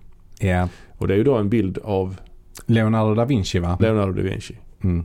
Och den blev censurerad för det ansågs för grovt. Ja. Det är intressant. Mm. Och då Ja, sa, ju, sa ju Harry Schein där ju i någon intervju att, eh, att hon, eh, Maj Zetterling hamnar i ett fint sällskap där med Leonardo da Vinci. Liksom. ja, Så de fick ha en annan tillfällig liksom, plansch där för, Ja. för filmen i Cannes. Men Dr. Glas 1968, Hjalmar Söderbergs klassiker. Mm. Och eh, 68 som sagt så var ju Cannes inställt. Mm. Eh, men men eh, det här var ju en tid när, när det började hända saker i USA också. Ja, ja, ja. På den Oh, här fronten. De tog ju verkligen till sig den här modernistiska rörelsen. Och, och vi kan ju se prov på det i Easy Rider till exempel. Eh, som vi också har pratat om i något avsnitt. Oh. Mm. Ehm, så att det här börjar ju bli mer och mer mainstream. Den här typen av berättande. Ja. Men det blir ju ändå inte så extremt som det blir i Maj Zetterlings fall. I Nej. mainstream-filmen. Nej, för här är det ju lite anakronismer och sånt som vi kanske kan komma in på. Eh, Det handlar ju om, eh, ja Dr. Glas är ju Hjalmar Söderbergs roman. Det är lite så här dagboksroman. Ja, det kanske man kan säga. Ja. Till viss del, ja, Mm. jo. Jag, har jag, har sett den upp, jag har sett den med Torsten Flink i någon sån enmansföreställning. Har du? Ja. Jaha, wow. ja. Alltid lite edgy när man ska se honom. ja. De sa också precis innan föreställningen började att eh, Håll för, eller, ja, man sa inga, de sa inga mobiler och sånt för då kan artisten välja att avbryta. ah, Eh, wow. och Sa de jag så? kände så, fan bara vi inte får sitta längst fram. Så, så, så, vi, har, vi har rad 24, ja vad skönt. Så var det näst längst fram. Av någon jävla anledning. Så man var lite så on the När edge. var detta? Ja, det måste, Ungefär? ja men åtta år sedan kanske. Åtta år sedan? Okej. Ja, ja, ja, ja, ja, ja, något sånt kanske. ja. Ja, nej men han känns ju lite eljest. Ja, ja, väl ja, säga. ja. Ja, eh, jag har ju läst boken ett antal gånger faktiskt och jag tycker jättemycket om boken. Ja, ja. Eh, och det är jag inte ensam om ju. Det är ju en eh, väldigt populär bok. En klassiker. Mm, ehm, och jag tycker att filmen följer boken eh, i ganska mycket till punkt och pricka. Jaha, okej. Ja, jag. Eller så, alltså det är egent- egentligen en, en bok som är väldigt nice att läsa för att den, jag tycker den har så fint språk. Mm. Men den handlar ju väldigt mycket om hans, eh, Dr. Glas då, hans tankar Mm. och hans eh, det handlar ju om en slags uppgörelse han gör med sig själv. Ja, existent, existentiella Ja, frågor. och det är ju inte så mycket handling egentligen. Nej. Alltså handlingen är ju väldigt basic. Han, han, ehm, han är doktor och han har en präst som patient som Mm. heter eh, Gregorius. Ja. Den här Gregorius är fem, över 50-årsåldern och har en fru som är ganska ung. Mm. Och hon kommer också och besöker den här doktorn och berättar för doktorn att hon verkligen vantrivs i äktenskapet och vill inte ligga med prästen. Nej. Men han tvingar sig på henne hela tiden och Mm. påstår då att det är Guds vilja. Alltså Ja. att man måste göra sin plikt. Och detta var ju någonting som nyligen tror jag hade blivit olagligt. Alltså menar, Mm. menar rättare sagt det var tidigare lagligt med våldtäkt Mhm. inom äktenskapet. Okej. Så att, Du, det- menar du när boken skrevs? nej jag menar När filmen gjordes? Ja, så i och med det att det precis bara några år tidigare hade blivit eh, olagligt gjorde att kanske att eh, man kan, en breda publik kanske inte förstod problematiken då. I den här kvinnan som var helt förstörd som kommer till den här doktorn och, och, Ja, och talar ja. ut liksom. Ja men absolut. Ja. Och vi ska säga det att Dr. Glas själv spelas ju av Per Oscarsson. Men där tror jag att skillnaden i boken är att den boken visar det på ett bättre sätt. Okej. Man visar kanske henne tydligare nerbruten där och man Mm. visar kanske hennes problematik mer Ja, ja. utifrån hennes perspektiv kanske. Kanske det. Jag vet inte. Det kan också ja. kanske ha att göra med hennes eh, skådespelarinsats för hon, hon som spelar den Ja. rollen är ju danska. Ja. Vilket Varför, gör... varför är hon det? Eller är, han, är hon dansk i, i boken? Nej, nej, nej, Nej. Det ska hon inte vara. Nej, Utan okej. hon är ju dansk för att det här var eh, en dansk produktion. Just det. Just det. Och, och det kom väl sig så att eh, det var ju då 20th Century Fox som ville ha den här filmen gjord. Ja. Och Hjalmar Söderberg bodde ju i den tiden på, i eh, Köpenhamn ju. Ja, ja, ja. Eh, så därför så kom det sig väl att det var ett danskt, eh, en dansk produktion. Och då antar jag bara liksom att för att den produktionen skulle gå i hamn så behövdes en viss del av teamet vara danska. Och ja, den rollen blev då dansk. Och Gregorius spelas ju av Ulf Palme Mm. återigen. Och då som jag sa, eh, Dr. Glas själv spelas av Per Oscarsson som vi känner till från många olika Mm. filmer. Han, är ju, Mm. han blev ju väldigt känd vid den här tiden när han klädde av sig naken inom citationstecken Mm, hos i- Lennart Hyland. Hyland, ja, Han är ju inte helt naken, han har ju kalsonger på sig. Ja, Men det ja. har ju blivit så en klassisk tv-sekvens ju. Ja, ja, ja. Och, och här gjorde han ju också film med Jan Troell ju. Här Ja. har du ditt liv. Nej, det. Ole, Dole, Ole Dole Doff är det va han gjorde? Ja, kanske det. Ja, just det. Och senare år har han ju även varit med i Ronja Rövardotter som Borka. Ja visst, ja. Kan du vissla Johanna? Mm, det Ja, är ju kanske hans eh, mest kända roll ju.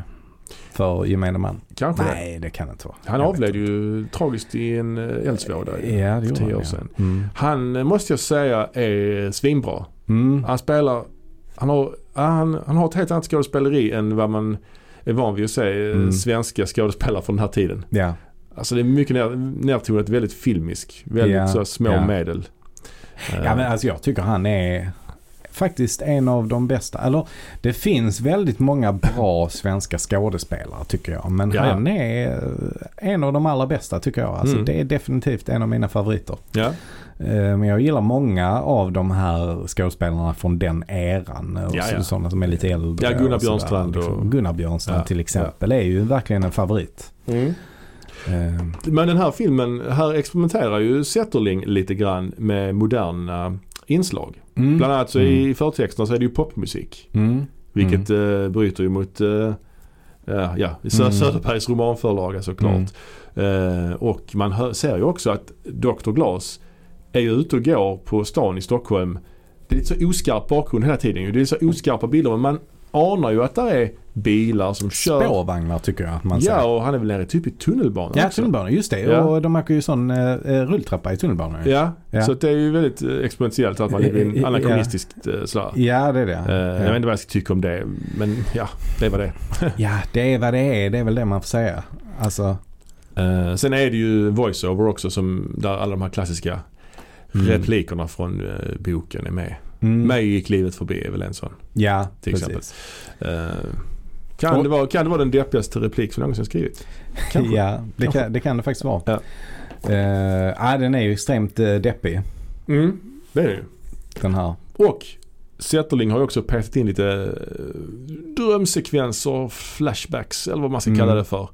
Som är lite så väldigt överexponerade. Ser nästan lite video ut. Mm. Ja, verkligen. Där är någon sekvens till exempel där han, Dr. Glas, räknar får fast det är människor istället. Mm.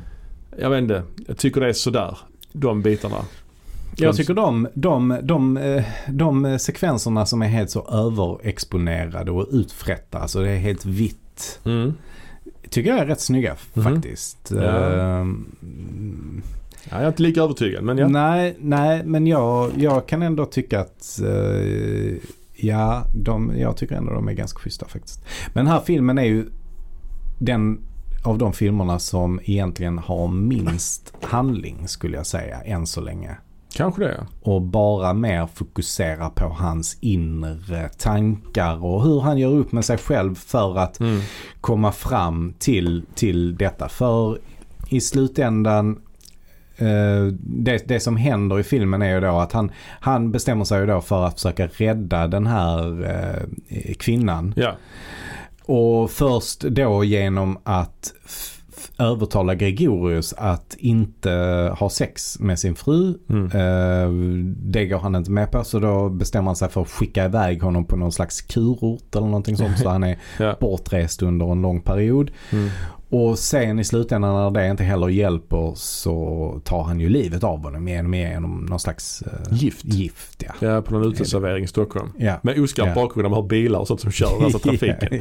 Ja men Ja. precis och det här också återigen eh, så värjer sig ju inte Maj Zetterling för kontroverser liksom. För här är det Mm. liksom en präst som våldtar, en präst som blir mördad.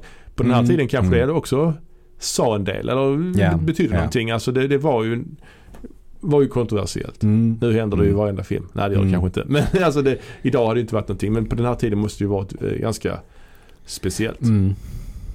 Ja, och jag kan tänka mig också att en läkare var ju också en uppburen profession Mm, mm. eh, på den tiden. Det var ju inte, idag finns det ju flera kända fall med, med läkare som har tagit eh, lagen i egna, egna händer och Verkligen. gjort, eh, gått över gränsen. Alltså Mm. så. Men på den tiden var ju inte det heller lika eh, känt. Ja, i slutet av filmen här återvänder, återvänder ska, återanvänder ska jag säga, eh, man en bild ifrån eh, eh, Älskande par, den här förlossningsbilden. Mhm. Eh, flashar förbi snabbt i slutet på, på, på Dr. Glas också faktiskt. Jaså? Samma sekvens. Vad vad jag tyckte då i alla fall. Ja. Vad tycker du om den här filmen då? ja, jag eh, tycker faktiskt att den är rätt bra ändå. Mm. Ehm, så att jag, jag har definitivt en, en behållning av den. Ehm, den, den. Som sagt så har jag läst boken och tycker väldigt mycket om boken och eh, det är alltid svårt att jämföra en bok med en film. Ja. Men i det här fallet så tycker jag att boken är bättre och så är det väl ofta i och för sig. Ja, när man alltid, gör en filmatisering av, en, av en bok. Alltså, Men filmen har ofta, en film har ofta bättre musik än en bok. Ja, Och bättre klippning. ja. Och bättre foto och så. ja, precis. Men eh, ja, jag, jag, jag fattar vad du menar Precis, såklart. men, men jag, jag, ja, nej det går inte jämföra. Nej det gör inte. Det är som att jämföra en bil med en maträtt. Ja, Nej kanske inte. Men jag vet, du förstår vad jag menar. ja, ja, verkligen. Eh, så att, nej det, det, det är kanske svårt. Men, Ja, men jag håller jag, med, jag förstår. jag, jag gillar ändå filmen Mm. eh, rätt så mycket tycker jag. Det är mycket på grund av Oscarsson. Ja det är det. Alltså hans, det ser grymt han är på Ja. de här, de här herrklubbarna, de här bastuklubbarna och Ja, sånt. Alla ja, bara ja, ligger där ett, som svettiga galtar. ja, ja. Eh, Ja, men absolut. Ja, men han, vad säger han liksom hela tiden sådär lite distanserad, introvert liksom. Han mår inte bra, ser man på honom. Mm. Men ja, mycket bra, mycket bra prestation. Mm, ja men det är det. Och sen så fick ju filmen en viss eh, kritik just för att eh, då pastor Gregorius inte eh, porträtteras som så rälig som han gör i boken. Eh, och, och det håller jag verkligen med om. Att i Ja, okej. boken så porträtteras han som fulare och mer äcklig på något sätt. Mm. Än, än vad Ulf Palmes prestation är. Mm, mm. Så det håller jag med om också till viss del. Ja. Han är vidrigare i boken kan man säga. Ulf Palme var väl släkt med Olof, Olof Palme tror jag. Mm. På någon, ett, kanske nästkusin kanske. Det låter så i alla Ja, fall. ja, men jag tror- jag tror det. Ja. Ehm, nästa film kanske vi ska prata om då. Som kom faktiskt samma år, 1968 också. Ja. Och det är filmen Flickorna. Och det är ändå rätt starkt att kunna släppa båda de här filmerna på samma år. Jag tror att det var så att hon, produktionen på Flickorna drog ut på tiden. Alltså Ja. jag tror Flickorna, det kan ha varit så att Flickorna spelades in först. Och, Men att hon mellan inspelning och klippning av Flickorna så gjorde hon Dr. Glas. Mm. Jag har för mig att jag har hört det någonstans. Mm. Men det var verkligen en parallell produktion liksom. Mm. Så det är ju jävligt imponerande. Ja men det är starkt. Ja, och den här filmen handlar ju om tre stycken skådespelerskor. Ja. Så här rör vi oss i finkulturella sammanhang igen. Ja det gör vi. Eh, Och det är då Bibi Andersson, Harriet Andersson och Gunnel Lindblom. Så två av dem var ju med i hennes debut också, Mm. Älskande par. Och de är ute på turné.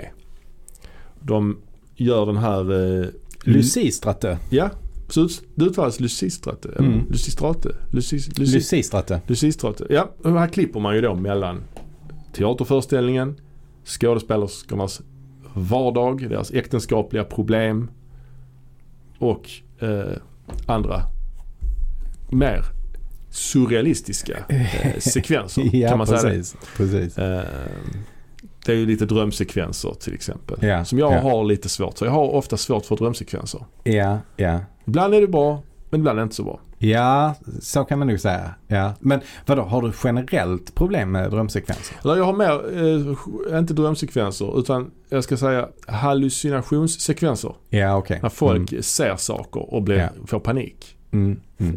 Det kan jag ha svårt för. Mm. Funkar Mm. ibland såklart. Ja, ja men det gör det. Ett bra exempel är ju The Shining, de här tvillingarna i korridoren. Ja, Den är bra. Ja. Och vilken är dålig då om du ja tar men det här är inte så bra. Nej, nej men nej, till exempel i den här filmen är det Bibi Andersson som går omkring i skogen och så sitter hennes man vid en öppen spis i skogen. Ja. Det är inte så bra. Nej, nej. Till exempel. Okej, ja. Ehm, eh, den här filmen är bland annat inspelad i Kiruna.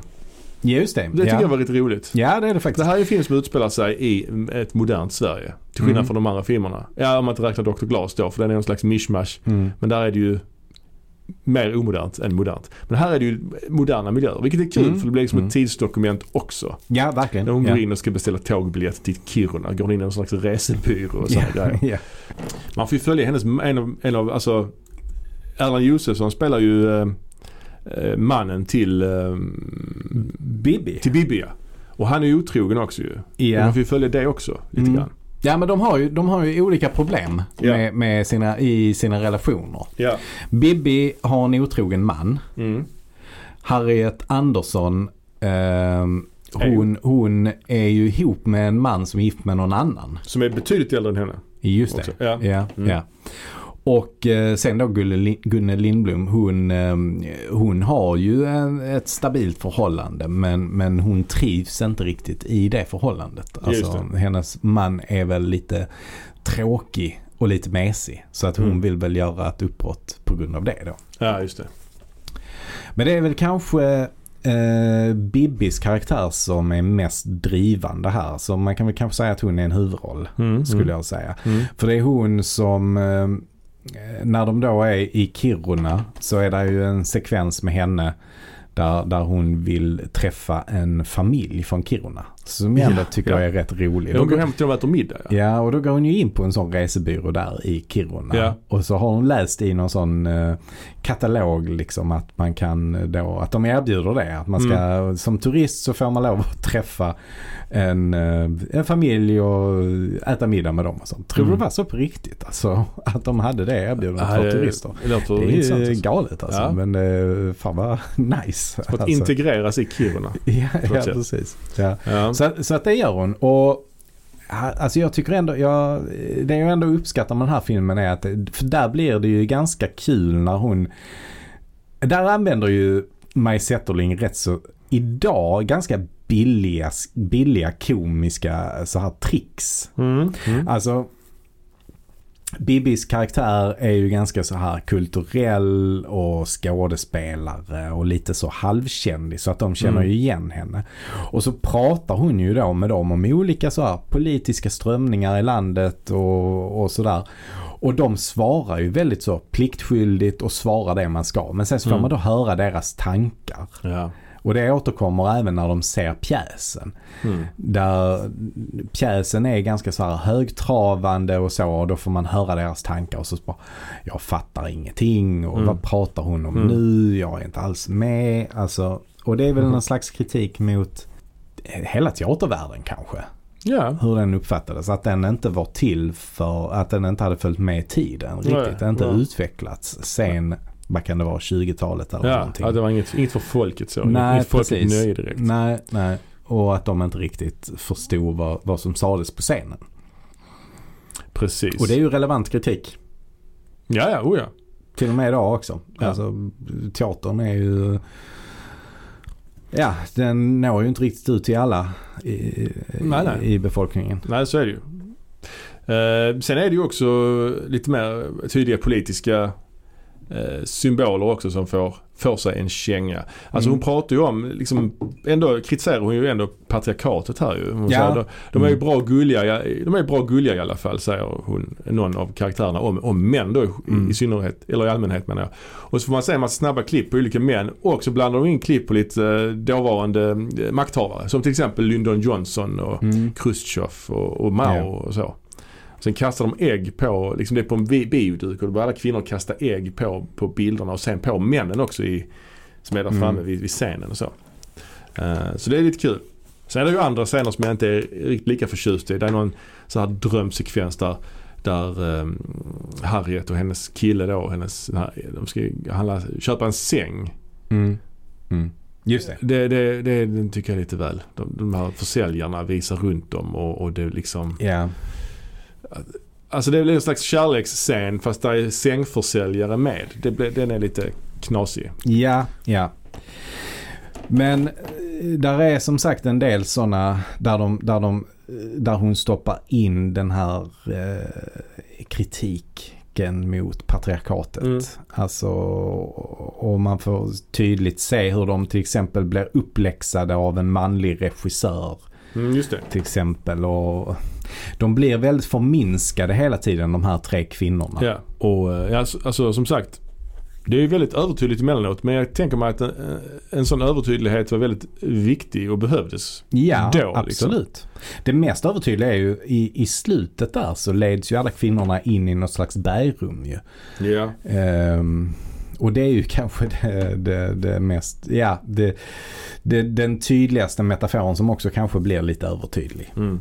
Om man ska vara kritisk. Mm. Ja, jag, jag gillar den här filmen på många sätt. Den är Mm. väldigt välgjord och den är liksom ett intressant tidsdokument och väldigt bra skådespeleri och så. Sen är den inte kanske, de här satiriska scenerna som ska vara roliga Mm. också, kanske inte är så roliga idag. Jag säga. Men ändå ganska roliga tycker jag i alla Ja, fall. ja. Alltså, det, finns, det finns en humor i det och jag kan ändå uppskatta det. Men Mm. Men det är klart att humor förändras ju. Ja. Man tycker ju inte att hela och halvan är lika kul i, i, nu som man gjorde Nej. förr. Nej, så är det kanske. Så är det kanske. Så är det ju. Ja. Eh, Det här är ju en helt annan typ av humor såklart. Men, men, eh, men ändå. Alltså jag kan ändå tycka det är kul. Ja, och det, det, den här filmen fick ju också lite kritik ju, Ja, det fick den. minst sagt. Och Och den, hon har ju själv kallat det för ett fiasko. ja, ja. Och det kommer också bli hennes eh, sista film på ganska länge ju. Ja, Eh, både ja och nej. Det beror på Mm. lite grann hur man ser det. Ja, hon var ju verksam i andra länder och gjorde andra typer av filmer. Lite dokumentärer och så. Ja, men just som långfilm så var det ju den sista, den sista hon gjorde. I, i, alltså, eller på, på lång tid ja. Ja. Ehm, det var det. Men, men det, det, som hon, det som hon gjorde där efter 60-talet det var ju att hon eh, gjorde till exempel ett eh, segment i en dokumentärfilm som eh, det var många eh, regissörer som gjorde segment till inför OS i München. Ja. Och då gjorde hon ju ett segment som handlar om antingen tyngdlyftare eller styrkelyftare. Mm. Jag vet inte vad, vad är det för skillnad på de två sporterna? Det, det vet jag faktiskt inte. Nej, nej. Men det skiljer i alla fall, vi säger tyngdlyftare för, Mm. för enkelhetens skull. Eh, och den är faktiskt väldigt intressant och den fick hon också väldigt mycket eh, positiv kritik för just det. eh. Mm. Och den eh, borde jag ha kommit kring 72 var väl det OSet. Så Ja, det var det. då det, den färdigställdes. Ja, ja. Den har jag inte sett faktiskt. Nej, eh, den, den kan man se på OS eh, egen eh, hemsida. De, det finns en, eh, det finns en OS-hemsida. Och, och där kan man, eh, man får googla lite och så hittar man den. okej. Och det var ändå ganska eh, stora regissörer som, eh, som gjorde filmer. Ja, de, okej. andra, de andra segmenten där. Alltså. Ja, okej. Och sen gjorde hon ju även då ehm, lite andra filmer för tv och Mm. så. Hon gjorde en som en ehm, eh, medverkade i ett projekt där hon gjorde tre segment. Mm, som heter Love va? Love ja. Mm. Eh, och då, då gjorde hon tre korta filmer Mm. eh, där. Eh, en som har någon slags fokus på könsroller tror jag. Och Mm. en, en som handlar, eller egentligen alla tror jag ändå behandlar det här med könsroller på ett eller annat sätt. Mm. Eh, I den första så handlar det ganska mycket om mat. Och där kan man ändå se det som att eh, könsrollerna är lite ombytta. Ja, just det. Det, just är en äldre kvinna och en lite yngre man. Ja. Vilket ju också skildrar hennes eget eh, eh, personliga situation på det. Mm. För då hade hon skilt sig med, från sin man David Hughes. Mm. Eh, och eh, flyttat till Frankrike och eh, bodde ihop med en yngre man. Mm. Som senare också kom att eh, hjälpa henne på hennes filmer som eh, regiassistent och så. Mm. Mm. Så att hon jobbade ofta med de som var nära henne, Mm. liksom rent personligt. Mm. Eh, ja men det handlar i alla fall rätt mycket om att hon lagar mat till den här mannen och, Ja, och, ja. och så käkar de det. Och, ja. Ja, precis. Har du sett den? Ja, ja, jag har sett. Mm. Absolut. Eh, Hon gjorde tre sådana filmer och Mm. sen gjorde hon då 1975 tv-produktionen Vi har många namn. Mm. Där hon ställer sig framför kameran också. Ja precis. Första gången på ganska länge kanske. Ja, jag det tänka skulle mig. jag tro. Dessutom utan kläder Ja, eh, precis. för övrigt. Mm. Eh, ja, den här filmen är, det är en slags inre monolog om en, med, av en kvinna som, eh, Det handlar ju om uppgörelsen med kärlekens bojor. ja just det. Det är fint det. ja. Så hon spelar ju då en kvinna som har blivit lämnad av sin man. Mm. Eh, och eh, filmen, å, återigen är det en film som inte har så mycket story utan mer skildrar tillstånd eller händelse. Mm. Eh, och det är ingen större vikt på att berätta en historia här egentligen. Utan det handlar om en slags inre, hän- alltså in, inre, inre skeende Ja. hos henne. Ernst Günther gör en roll som polis tror jag. Ja, just det. Ja. Ja. Eva ja. Fröling också med lite Mm. grann. Och jag tycker hon faktiskt spelar, alltså det är ganska finstämt ändå tycker jag. Och, och ett ärligt, ärligt känns det. Ärligt och naket i Mm. dubbel bemärkelse Ja kanske. precis. Ja. Men ja, jo absolut. Jag tror, jag var inte så peppad när jag såg den. Eh, Men det är en sån film man kanske ska vara på ett visst humör när man ser den. ja, så är det ofta ju. Den är ju ingen långfilm detta, den är ju bara en timme lång eller Mm. något sånt. Så att Mm. eh, den gick ju inte på bio så utan det var ju en tv-produktion Mm. detta. Mm. Eh, och den följde sedan upp 1977 med en annan tv-produktion. Som heter Månen är en grön ost. Mm. Som är en barnfilm faktiskt, hennes eh, enda barnfilm. Mm. Som är väldigt, väldigt flummig också. Uh, här fokuserar man mycket på färger. Mm. Eh, så att olika delar av filmen går i olika färgteman. Och det handlar om två flickor som flyttar ut på landet typ. Och så är det, Ja, de ska på semester ju. ja de ska fylla, Mm. precis. Ja, så är. Men de, men de ska bo en längre tid i sin Mm. sommarstuga, tror Ja. jag det. Ja, den är inte helt tydlig den filmen. Det är en sekvens där en kille de klätar in en kille i spaghetti, sätter spaghetti på hans hår och, och i Mm. hans armhålor. ja. Och sprutar ketchup. ja, ja. Alltså Vilse i pannkakan framstår ju som, eh, framstår ju som något supertydligt jämfört med detta. ja. Alltså det var egentligen en film som skulle få biopremiär men, men den fick den aldrig. Nej. Den visades bara, den klipptes ner, blev kortare och visades bara på TV. Ja. Eva Eh, Fröling med här också. Ska Ja, säga. ja. Klädd i Eh, lila. Zetterling beskriver den som en film för stora barn och små vuxna. Det är Mm. ju ändå eh, en bra eh, catchphrase. Absolut, absolut. Så här står det på Svensk Filmdatabas. Det tycker jag ändå är kul. Mm. Eh, psykedelisk sommarskildring från Stockholms skärgård där systrar leker rött, gult, blått, grönt, violett, svart och indigo tillsammans med excentriska besökare. Ja. Ja, jag, jag tänkte först kanske skulle visa den för mina barn. Ja, Men eh, efter att ha sett den själv tänkte jag nej, det, de kommer nog inte palla, palla det tror jag faktiskt. det måste du göra ju Ja, som ett experiment. Ja, Experimentera lite på dem tycker jag. Ja det ska jag. Det gör jag till nästa gång vi ses. um, jag vet inte, har vi mer att säga om den här filmen? I- alltså det, det som jag tycker är väl att ur, ur ett rent, så här, alltså rent visuellt så är den väldigt snygg tycker jag. Ja det är Den en är- färgfilm också såklart. Ja, den färger. Trots att den är inspelad på 16 mm så är Mm, den ändå väldigt färgsprakande. Mm, Och hon mm. utnyttjar ändå filmmediet väldigt mycket. Mycket vaselin på linsen och sånt också. Softat, ja. Ja, Mm. precis. Men jag kan tycka att scenerna, eller ska man säga scenerierna, håller på lite för länge. Hon drar ut lite för länge på det så man Mm. hinner tröttna på Mm. varje grej. Och jag tror att det är bristen, det finns ingen framåtrörelse i det. Nej. Och det är väl bristen på den här framåtrörelsen som gör att man blir lite trött på det. Man bara Ja. matas med images Ja, hela tiden. Som ju är, jag gillar dem, de är coola och snygga Mm. och spännande och allting. Men, men man saknar en framåtrörelse i det. Ja, verkligen. Eh, och det är det som blir problemet. Och tyvärr så tycker jag att det, det är ett problem hon ofta har i sina filmer. Mm. Att framåtrörelsen saknas på grund av bristen på story egentligen. Eller alltså berättartekniken. Mm. Eh, det är väl hennes stora problem liksom. Mm. Sen, sen hennes set pieces. Jag vet inte riktigt hur man ska översätta det till svenska. Kan man Nej. säga scenerier? Scenerier är väl mer hur skådisarna rör sig i scenografin. Mm.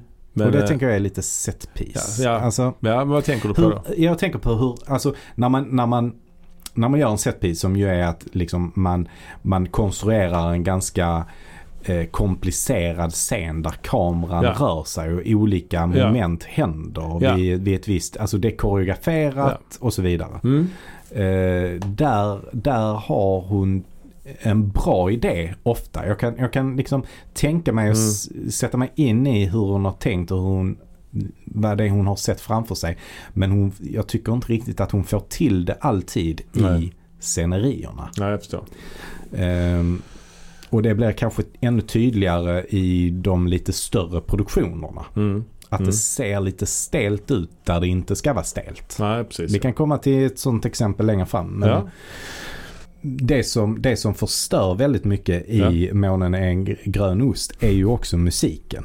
Mhm. För av någon anledning så har hon valt att lägga in någon slags cirkusmusik hela tiden i hela filmen. Ja, just det. Och den tycker jag verkligen den disharmonierar med Ja. den vis, det visuella och sabbar känslan. Det är så upptempo liksom. Ja, Ja. alltså cir, tramsig, Ja, dum cirkusmusik. Det att alltså, visa att det är en barnfilm kanske. Jag vet ja, inte. kanske. Ehm, så att det, det är någonting som förtar det ganska mycket, tycker jag. ja. Ja, Mm. du har rätt. Vi går vidare till hennes nästa film som då är hennes första ordentliga liksom, långfilm på eh, 15 år ungefär. Ja, ja.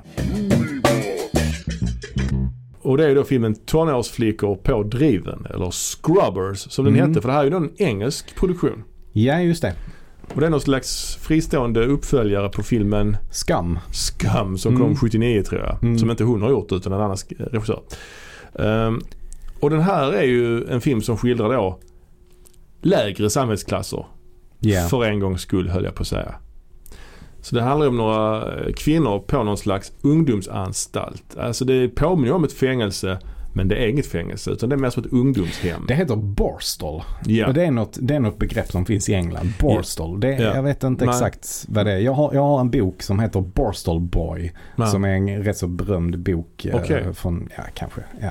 Rätt så gammal. Men, men, men Borstal är väl, ja det är väl någon slags ungdomsanstalt men Ja. som är mer som ett fängelse. Ja. Och grejen var väl också att de här Borstalsen försvann Ja. strax innan den här filmen kom ut. Vilket gjorde då att kanske själva storyn inte var sådär eh, Mm. angelägen längre.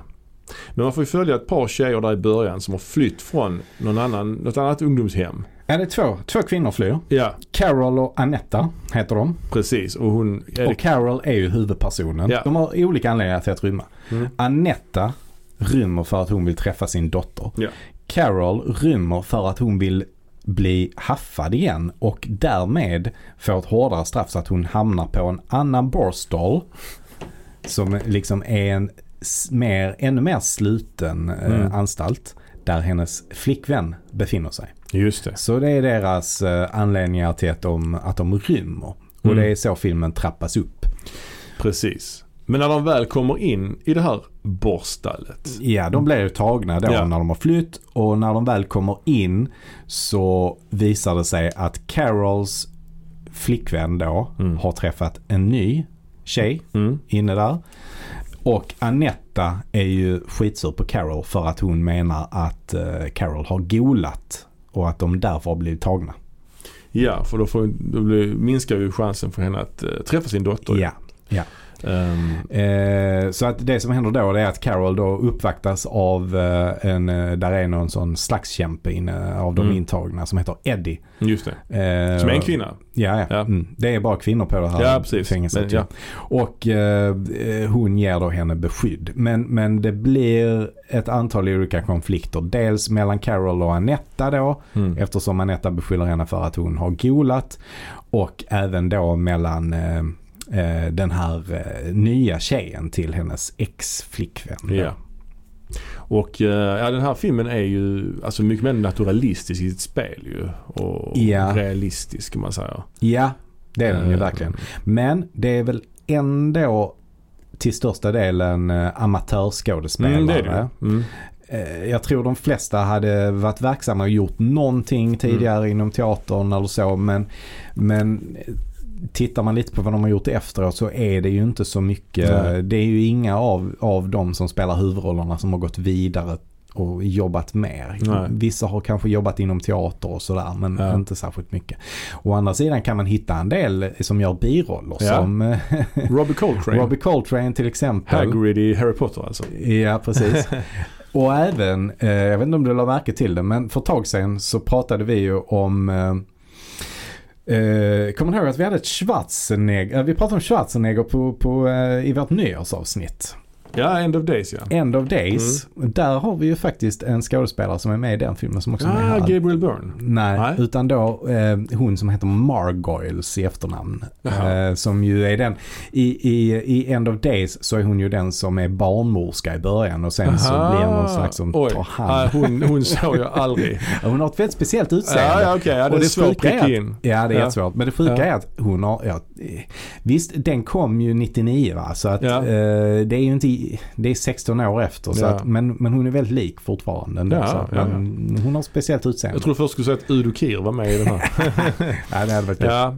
ja, men. Det, det, det är väldigt, alltså det, sen är det ju ett par väldigt så här visuellt, alltså för det är ju så här att England, jag vet, inte om, jag, jag vet inte om jag, om jag trampar på någons tår nu, men England har ju en förmåga att vara jävligt deppigt på Jag, film. tro, jag tror vi skulle prata om eng, engelsmän. Eller? ja, det ingår ju i England i och för sig. Men det, alltså, det är väldigt grått och det är ju liksom Alltså fast det är modernt så ser det ändå så jävla- alltså tänker alla hus, alla arkitektur. Alltså ja, ja. det kan se väldigt kargt och Oh, hårt ja. ut alltså. Ja, ja, ja. Mm, verkligen. Och det gör det i denna filmen. Ja, definitivt. Men ibland glimtar det ju till med väldigt snygga bilder. Där är ju till exempel en sekvens som är väldigt hemsk såklart. Mm. Det, det är en kvinna, en av de här fångarna eller vad man ska kalla den för. Kalla dem för, de är inte fångar egentligen men ja, som bor där på det här hemmet då. Som har en duva hon matar. Mm. Eh, Mm. Lite längre fram i, i, i filmen så tar ju den här tjejen livet av sig. Mm. Och, och ligger död i sin cell med blod på golvet. Och så flyger den här duvan runt liksom oroligt i, i, i cellen. Det är ju en väldigt, väldigt vacker bild. Eh, Väldigt eh, stark. Mm. Så det, är det glimmar ju till sådana här liksom Mm. Ja, men det gör det. cinematiska Ja, det pärlor i Mm. denna deppiga backdrop mot Mm. den här ba- deppiga, eh, vad ska man säga, fond. Ja. Men Det, det är ju återigen en film som inte är jättemycket storybaserad. Även gud, om det kanske är mer story Mm. i den här än vad det har varit tidigare. Eh, Mm. för det, det finns ändå tydligare konflikter och, och Mm, så som jo. jag precis berättade om. Liksom. Men det är ändå inte särskilt storybaserat utan det skildrar vardagslivet och olika händelser inne på den här anstalten. mm. Eh, problemet tycker jag är väl att karaktärerna är Mm. ju extremt platta. Ja, de är ju inte så olika varandra heller kanske allihopa. Jo det tycker jag. Men, Tycker men de, har, de har ett läge hela tiden. ja, du menar så. Alltså ja. Carol gråter hela tiden. ja. Eh, Eddie som är hennes nya, eh, den här slagskämpen Mm. som beskyddar henne. Är arg hela tiden. Mm. Anetta är liksom så här crazy hela tiden. Alltså och sjunger Mm. massa sånger hela. Alltså det är Ja. hon som håller på med det ju. Mm. Eh, de, här två, de här två tjejerna varav den ene då Carol har haft någon slags förhållande med tidigare. De, de, är, de är bara på ett sätt hela tiden. Alltså så här lite så störiga, lite lismande och lite så här eh, så. Mm. Retliga. Mm. Eh, där är en, en av de intagna som är den normala. Som bara är normal hela tiden. Alltså, det, det är väl, de har Mm. bara ett enda läge. Och det blir lite som att det blir karikatyrer då, tycker jag. Kanske det. Det är lite som om Ken Loach hade gjort Orange is the new black. Mm. Nej, jag vet inte. Precis. Eh, Ken Loach för övrigt eh, är ju, hon var ju, gjorde en av sina sista roller i en Ken Loach-film också. Men det var ju långt senare. Ja. Det var 1990. Inte jättelångt senare men Nej, eh, nej. några år senare. Ja. Eh, en annan sak är ju att man märker också att skådespelarna inte är så, eh, så bra helt enkelt tycker jag. För att det känns verkligen som att många repliker är upplästa. ja, jag håller med. Och här har vi också ett problem med det jag försökte pr- prata om tidigare med scenerierna. Mm. Alltså man ser hur eh, vissa, till exempel i filmens allra första scen så står det en intagen kvinna som inte är med mer senare. Mm. Mm. Men hon står och häller upp vatten och då står hon på ett speciellt sätt så att man ser att hon har tatuering, alltså hon Mm. har på tatueringar på knogarna Mm. där det står då love och hate. Och så åker kameran in mot det så man får se det så Mm. jättetydligt. Och det känns statiskt Mm. Och lite, vad, vad ska man säga? Det känns inte så naturligt helt nej, enkelt. nej, det gör det. Nej, precis. Utan övertydligt. Ja. Jag kan hålla med om det, absolut. Samtidigt kan jag tycka ändå att den här filmen har någonting som fascinerar mig. Jag tycker det är ehm, lite grann en breath of fresh air eller vad jag ska säga. Att Mm. hon, Mm. Zetterling väljer något så här radikalt annorlunda. Att hon väljer att skildra den här delen av samhället. Ja. Nu är det inte liksom teatermänniskor eller överklassen utan nu är det ju verkligen, Mm. nu är vi långt ner i samhällshierarkin här ju Mm. och utforskar. Mm. Det är en del rätt äckliga scener också. De kastar, någon som kastar bajs på någon annan till exempel. Och Mm. de äter sån riktigt deppig mat också. Ja, den maten ja. Alltså det är så orangea potatisar. Jag förstår Ja. inte vad det är. Alltså, det ser bara så... Ja. Ja. Eh, ja. Nej men jag, jag, jag har... Jag, det är ju en form av diskbänksrealism detta. ja, ja. Men då är man van vid lite mer rörlig kamera. Kanske det ja. Tycker jag. Ja, det är Här lite är mer- kameran superstatisk. Ja, det är lite mer Alltid. tablåer. Eller ska Ja säga. det är tablåer, Ja, verkligen. verkligen. Och det, det gör också att det ser lite löjligt ut. Där är en eh, rätt stor scen där, där Anetta eh, får tag på en sån här vattenslang och Mm. sprutar ner alla de intagna med Ja. vatten. Just det. Och då står alla bara helt så statiskt. Eller de, är, de har klättrat upp på någonting. Mm. eh, Som står, men alla bara står kvar där och blir sprutade på med vatten. Men jag De menar, väntar de, på att bli Ja, nedsprutade liksom. och, ja. det, och det ser inte naturligt ut. Nej, alltså, ingen skulle reagera på det sättet. Mm. Och det är som att de bara vänt, står där och väntar på att bli nersprutade. Som att de, ja det är så Ja. statiskt så att det känns fel på något sätt. Men det är ju ändå ett intressant val att gå från månen är en grön ost, den här färgsprakande Mm. snedtrippen till detta. Det grå, Mm. här gråa depprealismen. Ja, Verkligen. ja, ja. Man kan väl säga det att däremellan eh, Mm. gjorde hon också en dokumentärfilm som heter Stockholm kanske? Ja, Maj Zetterlings Stockholm Maj tror jag. Zetterlings Det är Stockholm. en kanadensisk produktion Mm. tror jag. Mm. Och det var det olika, typ. olika eh, filmskapare som, som fick göra porträtt av sina hemstäder. Mm. Så att den är ju inte alls lika experimentell som Nej. Månen är en grön ost. Nej, precis. Eh, eller surrealistisk. Utan den är, ju, den är ju lite mer som en dokumentärfilm. Men hon är med ganska mycket Mm. och eh, Just det. hon är ju utklädd till Strindberg i Ja, den bland annat. Precis. Eh, så att det är ju inte bara en eh, dokumentär om Stockholm eh, rakt av utan den är ju verkligen personlig. Lik Strindberg är hon också tycker jag. Ja, verkligen. Det Absolut. skrämmande lik. ja, Faktiskt. Ja, men, Ja, ja, när hon är utspökad ja. ja, Inte ja, annars. ja precis. Eller? Nej, jag precis bara ut, bara i den Ja, filmen. ja, just. ja. Ehm, men men eh, det som jag tänkte på också är att det är ju inget bra porträtt av Stockholm. Alltså för inspelad mitt i vintern. Ja, ja, ja. Och, alltså, det är så jäklans grått. Och det är mycket, mycket bilder på de här 60-tals betonghusen Mm. på Söder. ja, ja, ja. Mm. Snarare än bilder från Gamla stan eller från Mm. de gam- äldre delarna av, av Söder eller Östermalm eller så. Mm. Utan det är de här eh, Ja men jag tror det är bilder på det. Det ser ut att vara det där sjukhuset, Södersjukhuset Mm. kanske det heter. Mm. Eh, det är ju en stor som betongklump och Mm. de, de husen som ligger där runt omkring vid Ringvägen. Ja, ja, ja. Eh, ja, det, ser riktigt, det ser riktigt östigt och deppigt ut och så är det grått och det är lite snö. Och, ja, och det pratar hon om också att man kan få lappsjuka Ja. nämner hon. ja, ja, ja. Eh, vilket ju då innebär att man, eh, det är så mörkt så när Ja. solen väl tittar fram så vill man eh, bara sitta på en parkbänk och stirra upp i solen. ja. ja. Mm, Ska vi ta oss vidare i Mm. hennes filmografi och nu har vi faktiskt kommit fram till hennes absolut sista film. mm, Eller långfilm i alla fall. som hon regisserade. Som ja, absolut. Hennes sista eh, långfilm som hon regisserade. Mm. Ja. Och det är då filmen Amorosa från 1986. Mm. Eh, så att, eh, och här är hon ju tillbaka på kanske lite mer bekanta eh, territorier. Ja, verkligen. För här skildrar hon då Agnes från Krusenstjerna. Det är en biopic kan man Ja. säga. Om Agnes från Krusenstjerna som då skrev eh, böckerna som hennes första film Älskande par var baserad på. I huvudrollen ser vi alltså Stina Ekblad som Agnes från Krusenstjerna, författarinnan. Och hennes man eh, spelas av Erland Josefsson. Mm. Vad fan heter mannen nu igen? Sprängel. Just det. Jag tänker på Egon Spengler där från Ghostbusters. Ja, det gör man ju. Ehm, David Sprengel heter han.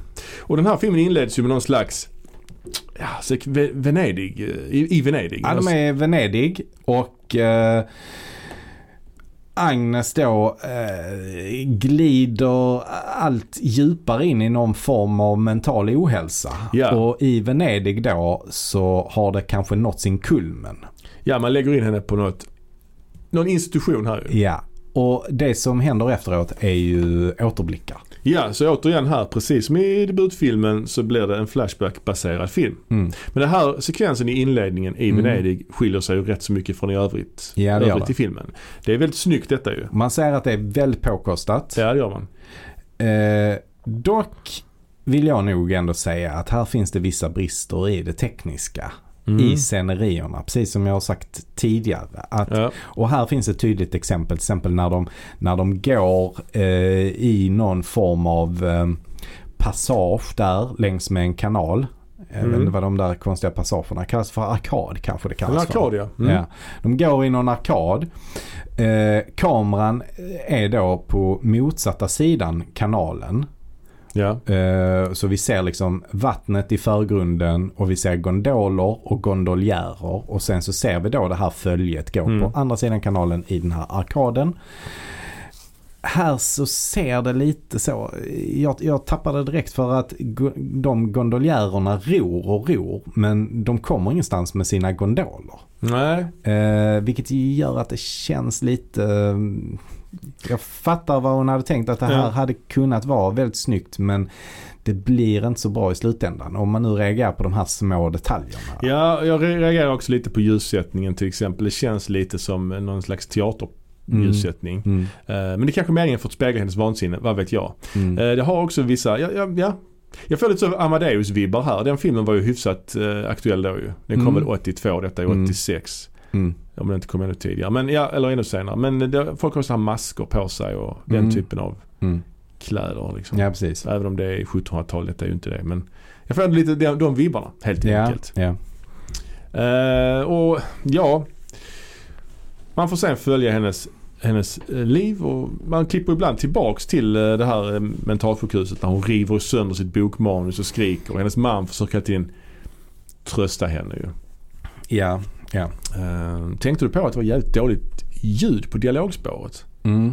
Mm. Man fick höja volymen rätt så kraftigt för att höra vad de sa faktiskt. Ja, Eh, det tycker jag var lite synd. ja. Ja men absolut. Återigen en ganska namnkunnig rollista här ju.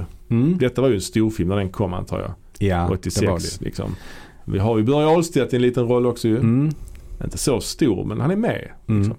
Vi har ju också Rico Rönnbäck, en annan Mhm. Varuhuset-bekanting. Som spelar, spelar Conny i Varuhuset som var ihop med Lena Endre där va. Ja, okej. Mm. Ja, jag har som sagt inte så bra koll på varuhuset. Men vem spelar han då i, uh, i Amorosa? Han spelar väl även hennes bröder tror jag. Mm. Eh, Den ene brodern. Han spelar eh, Edvard från Okej. Krusenstjerna. Och då han, eh, vad heter han? Filip Sandén. Filip Sandén, just det. Spelar ju Adolf från Mm. Krusenstjerna. Mm. Och sen har vi också då ju um, en annan varuhuset som, kille som jag nämnt tidigare, Heinz Hopf. Ja, ja, Han är ja. tillbaka här som, i rollen som Dr. Iller. alltså barnboksfigur. ja. Och sen har vi ju också en annan namnkunnig, eh, Olof Thunberg. Jaha. Alltså Greta Thunbergs farfar då blir det ju. ja, minsann. Mest känd för Bamse. Han gjorde rösten i Bamse. Han tecknade Bamse. Alltså jag, jag är dålig på det men du vet vilka jag menar. alltså spelar han Bamses alltså röst? Han gör ju den voiceovern Ja, ja. i de klassiska Bamse-filmerna man såg när man var liten. Ja, okej. Ja. Du, du, du, du, du, du, du, du, du. Ja då. De har Ja. jag sett några gånger kan jag säga det. Ehm, men eh, ja och Lena T Hansson är också med ju. Ehm, Mm. Som eh, då inleder någon slags förhållande också med från Krusenstjerna här. I någon flashback-sekvens. Så sexualitet är ju lite sådär eh, oklar. Ja. man säger. ja, definitivt. Mm. Hon ska ju också bli bortgift ju med eh, Ja. en eh, Hamilton tror jag det är. Ja, hon återkommer till det här uh, sättlinget just det här med bortgiftandet. Mm. Ja, precis. Ehm, jag tyckte också jag såg Karl-Einar Häckner här men det var nog fan inte han. Som någon slags kypare. Som, är Mhm. så, som är lite så, någon slags boytoy där i slutet. Mhm. Ja, När de är i det Tyskland. är ju inte omöjligt faktiskt. Ja, men jag hittade inte det. Jag, jag har googlat där och han verkar Mm. inte vara med i den här filmen. Nej, nej. Men det var väldigt likt honom. Mm. Som en ung Karl-Einar eh, Häckner. Mm. Ja, den här filmen är ju lite mer ordinär. Även om den har en flashback-struktur så känns det väldigt så här svensk storfilm över det hela. Det gör det. Men med lite extra dekadens inlagt i Ja, det. men ändå inte som hennes 60-talsproduktion. Nej, absolut inte. Inte så mycket. Men ändå ett visst mått Ja. av dekadens. Sen är det ju också, jag vill inte tjata om Bergman här, men den kommer ju också i kölvattnet av Fanny Alexander. Ja. Som var en stor Ja. hit ju, som också är ungefär samma Mm. tid i Mm. historien den utspelar sig ju. Så den har ju arvet efter den också att jämföras med på något sätt. ja, det blir det ju. Det Mm. blir det ju på, på, på något sätt. Fast det är en biopic då istället. Men den är bitvis väldigt snygg. Där är en sekvens till exempel där hon, de dansar i någon slags lusthus och där är liksom en kameraåkning 360 grader runt Mm. dem samtidigt som det är fyrverkerier utanför. Mm. Det är ju väldigt snyggt. Mm. Och den här inledningssekvensen. Där har vi åter en sån scen som jag tycker man kunde brassat på ännu mer för att få ut Ja. ännu mer effekt av det. Ja okej. Ja. Jag tycker det är lite för lite. Men jag förstår vilken, Mm. vad hon, vilk, vad hon strävar efter visuellt. Men för mig blir det lite för lite. Ja, hon förstärker det väldigt mycket i ljudet just i den scenen. Ja. Men det visuella, det är, det är inte, ja, hon, hon skulle vågat lite mer där ty- tycker jag. Ja, ja. Nej jag håller med. Jag tycker den här filmen i övrigt är inte så jätteintressant. F- Nej. Tyvärr inte alltså. Nej. Jag tycker att Stina Ekblad gör eh, en eh, bra insats. Ja absolut. Hon vann ju Guldbagge också för Mm. detta ju. Precis som Erland Josefsson. Ja. Som jag inte tycker är så bra. Nej, exakt. Eh, exakt Eh. vad jag håller med om. Det, det känns lite som att den här filmen fick rätt många andra nomineringar men vann inte. Nej. Men jag tycker att Stina Ekblad gör en jättebra Mm. eh, prestation och, Mm. och hon är förtjänt av, av sin vinst. Erland Josefsson, nu vet jag inte vem han stod mot där. Nej, det-. Men, men det känns som att han har gjort bättre rollprestationer än detta. Ja, han ska säga sådana här eh, underfundiga, lustiga Mm. förolämpningar till folk hela tiden som bara Mm. känns så jävla... Ja, det känns så krystat på något Ja. sätt. Mm. Ehm, men det är ett intressant människoöde och det är ju kul tycker jag att Zetterling, det var inte, nu var ju inte det här tanken att det här skulle bli hennes sista långfilm som Mm. regissör, det var det ju inte. Men att hon ändå, det blev ändå en intressant, intressanta bookends på en karriär. Att man börjar med den här filmatiseringen i Älskande par och avslutar då med, med en annan Mm. från Krusenstjerna Mm. film liksom. Ja, ja men absolut. Men jag tycker också det är lite tröttsamt med de här eh, Hallis-sekvenserna. Jag har ju svårt som du vet för sånt. Ja. När folk ser, får hallucinationer och det är en del sånt i den här filmen och, det, och hon skriker och det är, ja, jag tycker det kan bli, det blir lite för mycket helt enkelt Mm. ibland. Mm. Eh, det här var ju som sagt eh, den sista långfilmen hon regisserade. Innan dess Mm. så, så regisserade hon också Eh, hon började jobba lite i, eh, hon gjorde ju den här eh, Stockholmsfilmen ju. Mm. Och det var ju för ett kanadensiskt bolag. Mm. Och hon hade rätt mycket kopplingar till Kanada. Så hon gjorde faktiskt en, eh, regisserade några avsnitt av en kanadensisk tv-serie. Ja just det. Eh, Hitchhiker. Mm. Har du, eh, ja. Det var ju en sån eh, långkörare ju som, som sen kom över till HBO. Det är ändå rätt intressant att i, i ett av de tre avsnitten så var det ändå Karen Black faktiskt som, Ja, ja. eh, som, som hon regisserade. Och Mm. i ett av, eh, ett annat var det Franco Nero.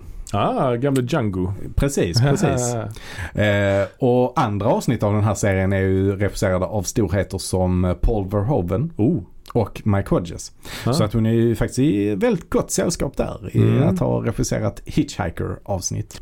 Hon, eh, hon gjorde några framträdanden eh, som skådespelare Ja, hon är med- efter det här. Ja hon är med i den här Häxorna. Mm. Roald Dahl-filmatiseringen av Niklas Rogue va? Just det. Den gjorde hon ju. Eh, Och där, där spelar hon ju då eh, mormor eh, Ja. till, till den här eh, pojken då som, Ja. som det handlar om. Som, Ja. blir, som blir utsatt för de här häxorna Ja, då. uh, Angelica Houston är ju huvud, Huvudhäxan. huvudhäxan. Mm, den Chefs- ondaste häxan. Chefshäxan. Ja, precis. Och sen så gjorde hon då den här Hidden Agenda som, eh, som är regisserad då av Mm. eh, eh, Ken Loach. Ja. Men eh, sen blev hon ju sjuk Ja. och avled ju lite hastigt va egentligen. Mm. Eh, Mm. 1994. Hon Mm. blev väl, vad blev hon? 69 år gammal Mm. kanske. Eh, så att det är ju tragiskt. En, en väldigt lång karriär alltså. Ja, lång karriär. De första 20 åren enbart som skådespelare Mm. och ändå, där gick det ju ändå i rasande fart även om hon kanske inte eh, fick ut det hon ville på slutet av Nej. den skådespelarkarriären. Mm. Eh, och hade lite otur där med att hon inte trivdes i Hollywood och så. Mm. Eh, så, eh, och sen så gjorde hon någon form av comeback. Hon arbetade ju hårt för att kunna göra de här filmerna hon gjorde på 60-talet. Ja. Hon, hon gjorde dokumentärer för att lära sig göra film från grunden Mm. och fick bekosta det till stor del själv och så också. Mm. Och hade en stor framgång i början på 60-talet. Eh, sen fick hon ju väldigt dålig kritik. Ja. Eh, vilket ledde till att hon inte kunde eller ville göra film i Sverige på, på ganska lång tid. Cirka tio år då tills hon kom tillbaka och gjorde Månen en grön ost. Mm. Men, men eh, under den tiden så gjorde hon ju en massa andra saker som, Mm. eh, som var väldigt bra. En massa kortfilmer Ja. Men och hon, är, dokumentärer och så vidare. men hon har ju ändå liksom ett, ett legacy som en, en, liksom en kvinnlig pionjär inom Mm. regiyrket. Mm. Framförallt i Sverige då ju. Ja, Eh, verkligen. Och eh, hon har fått en del upprättelse liksom eh, kan man säga genom, alltså bland annat genom den här Studio S-boxen att man gett ut hennes filmer igen. Mm. Så alla Mm. kan, man kan se dem.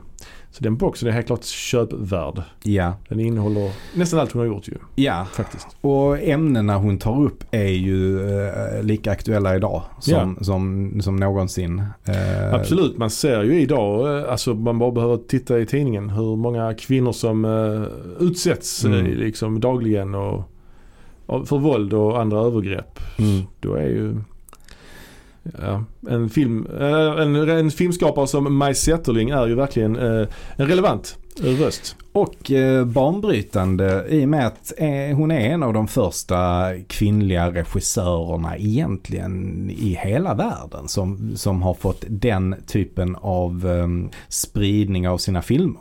Har en lång karriär också. Mm. Hon är ju inte den första kvinnliga regissören. Nej, nej. Eh, inte i Sverige och inte utomlands och så heller. Men, Nej. men att få liksom göra filmer på den nivån och få den spridningen som hon har fått så är Mm. hon ju en av de, de få kvinnorna. Ja. Det finns ju en liknande som jag tänker på som heter Ida Lupino från, Mm. eh, från USA. Hon hade ju någon liknande karriär, eller hon är från England egentligen men gjorde film i USA. Hon kom ju dit och eh, jobbade som skådespelare och valde sen att gå över till att bli regissör. Men hon fokuserade ju mest på mainstream eh, film. Gjorde ju film noirer och, Mm. och den typen av filmer. Mm. Så att det, Zetterling har ju rört sig i andra miljöer och gjort andra typer av filmer. Ja, hon har nog, det känns som att Zetterling gick sin egen väg verkligen. Mm. Hon kanske hade tjänat lite grann på att göra en, eh, en lite mer kommersiell film då och då. Mm. För att upprätthålla någon slags ekonomisk eh, balans. För att kunna få göra vad hon ville sen. Lite där one for them, one for me-tänket. Att göra Mm. en personlig film, följa upp den med en kommersiell film för att få in lite Ja, hits. För att få en hit och sen göra nästa. ja, Så kanske hon borde ha tänkt. ja. Men hon... Jag får känslan att hon bara blev så, hon blev så uttråkad av att Mm. i, behöva göra, att behöva böja sig. Det var ju lite grann det som fick henne att flytta från Sverige. Ja. Alltså tittar man på den här eh, Driver dag faller regn så, så är det exakt det hon gör där. Ja. Och det intresserar henne liksom inte. Nej, Samma sak att hon väljer att inte stanna kvar och göra mer saker i Hollywood. Mm. För att då behöver hon på något sätt förändras och bli en annan person som hon inte är. Ja, Ehm, det är ju i och för sig skådespelare, skå, Mm, skådespelerskan Maj Zetterling Ja, där. Men regissören hade ju kunnat, hade kunnat kunnat hitta något manus som ändå gav henne någonting men ändå Mm. gav också eh, en hit till henne så Ja. att säga. Men, men hon slutar ju ändå med flaggan i topp någonstans med Amorosa eh, som långfilm. Alltså för Mm. den är väldigt stor, en stor film liksom. ja, ja. Som ändå nådde en, en stor publik och fick Mm. massa priser och så. så att det, det var ju inte så att hennes karriär gick neråt. Nej, utan det var bara att nej. hon gick en, en lite annorlunda väg än vad det brukar Mm. göra kanske. Att hon inte gjorde långfilm på jättelänge och jobbade inom tv istället eller gjorde dokumentärfilmer helt plötsligt. Så det är en cool karriär. Mm, Kanske det eh, kul också att se en film om hennes liv kanske. Mm, En biopic. verkligen. Det, Det- tror jag. Det hade varit faktiskt spännande. På riktigt, verkligen. Ja, ska vi tacka för oss? Det gör vi. Mm. Tack för att ni lyssnar och glöm inte att följa oss på Instagram. Och har ni någon fråga så kan ni också mejla oss på uh, movieboxpodd.gmail.com. Gör så. Ha det bra. Ha gott. Hej!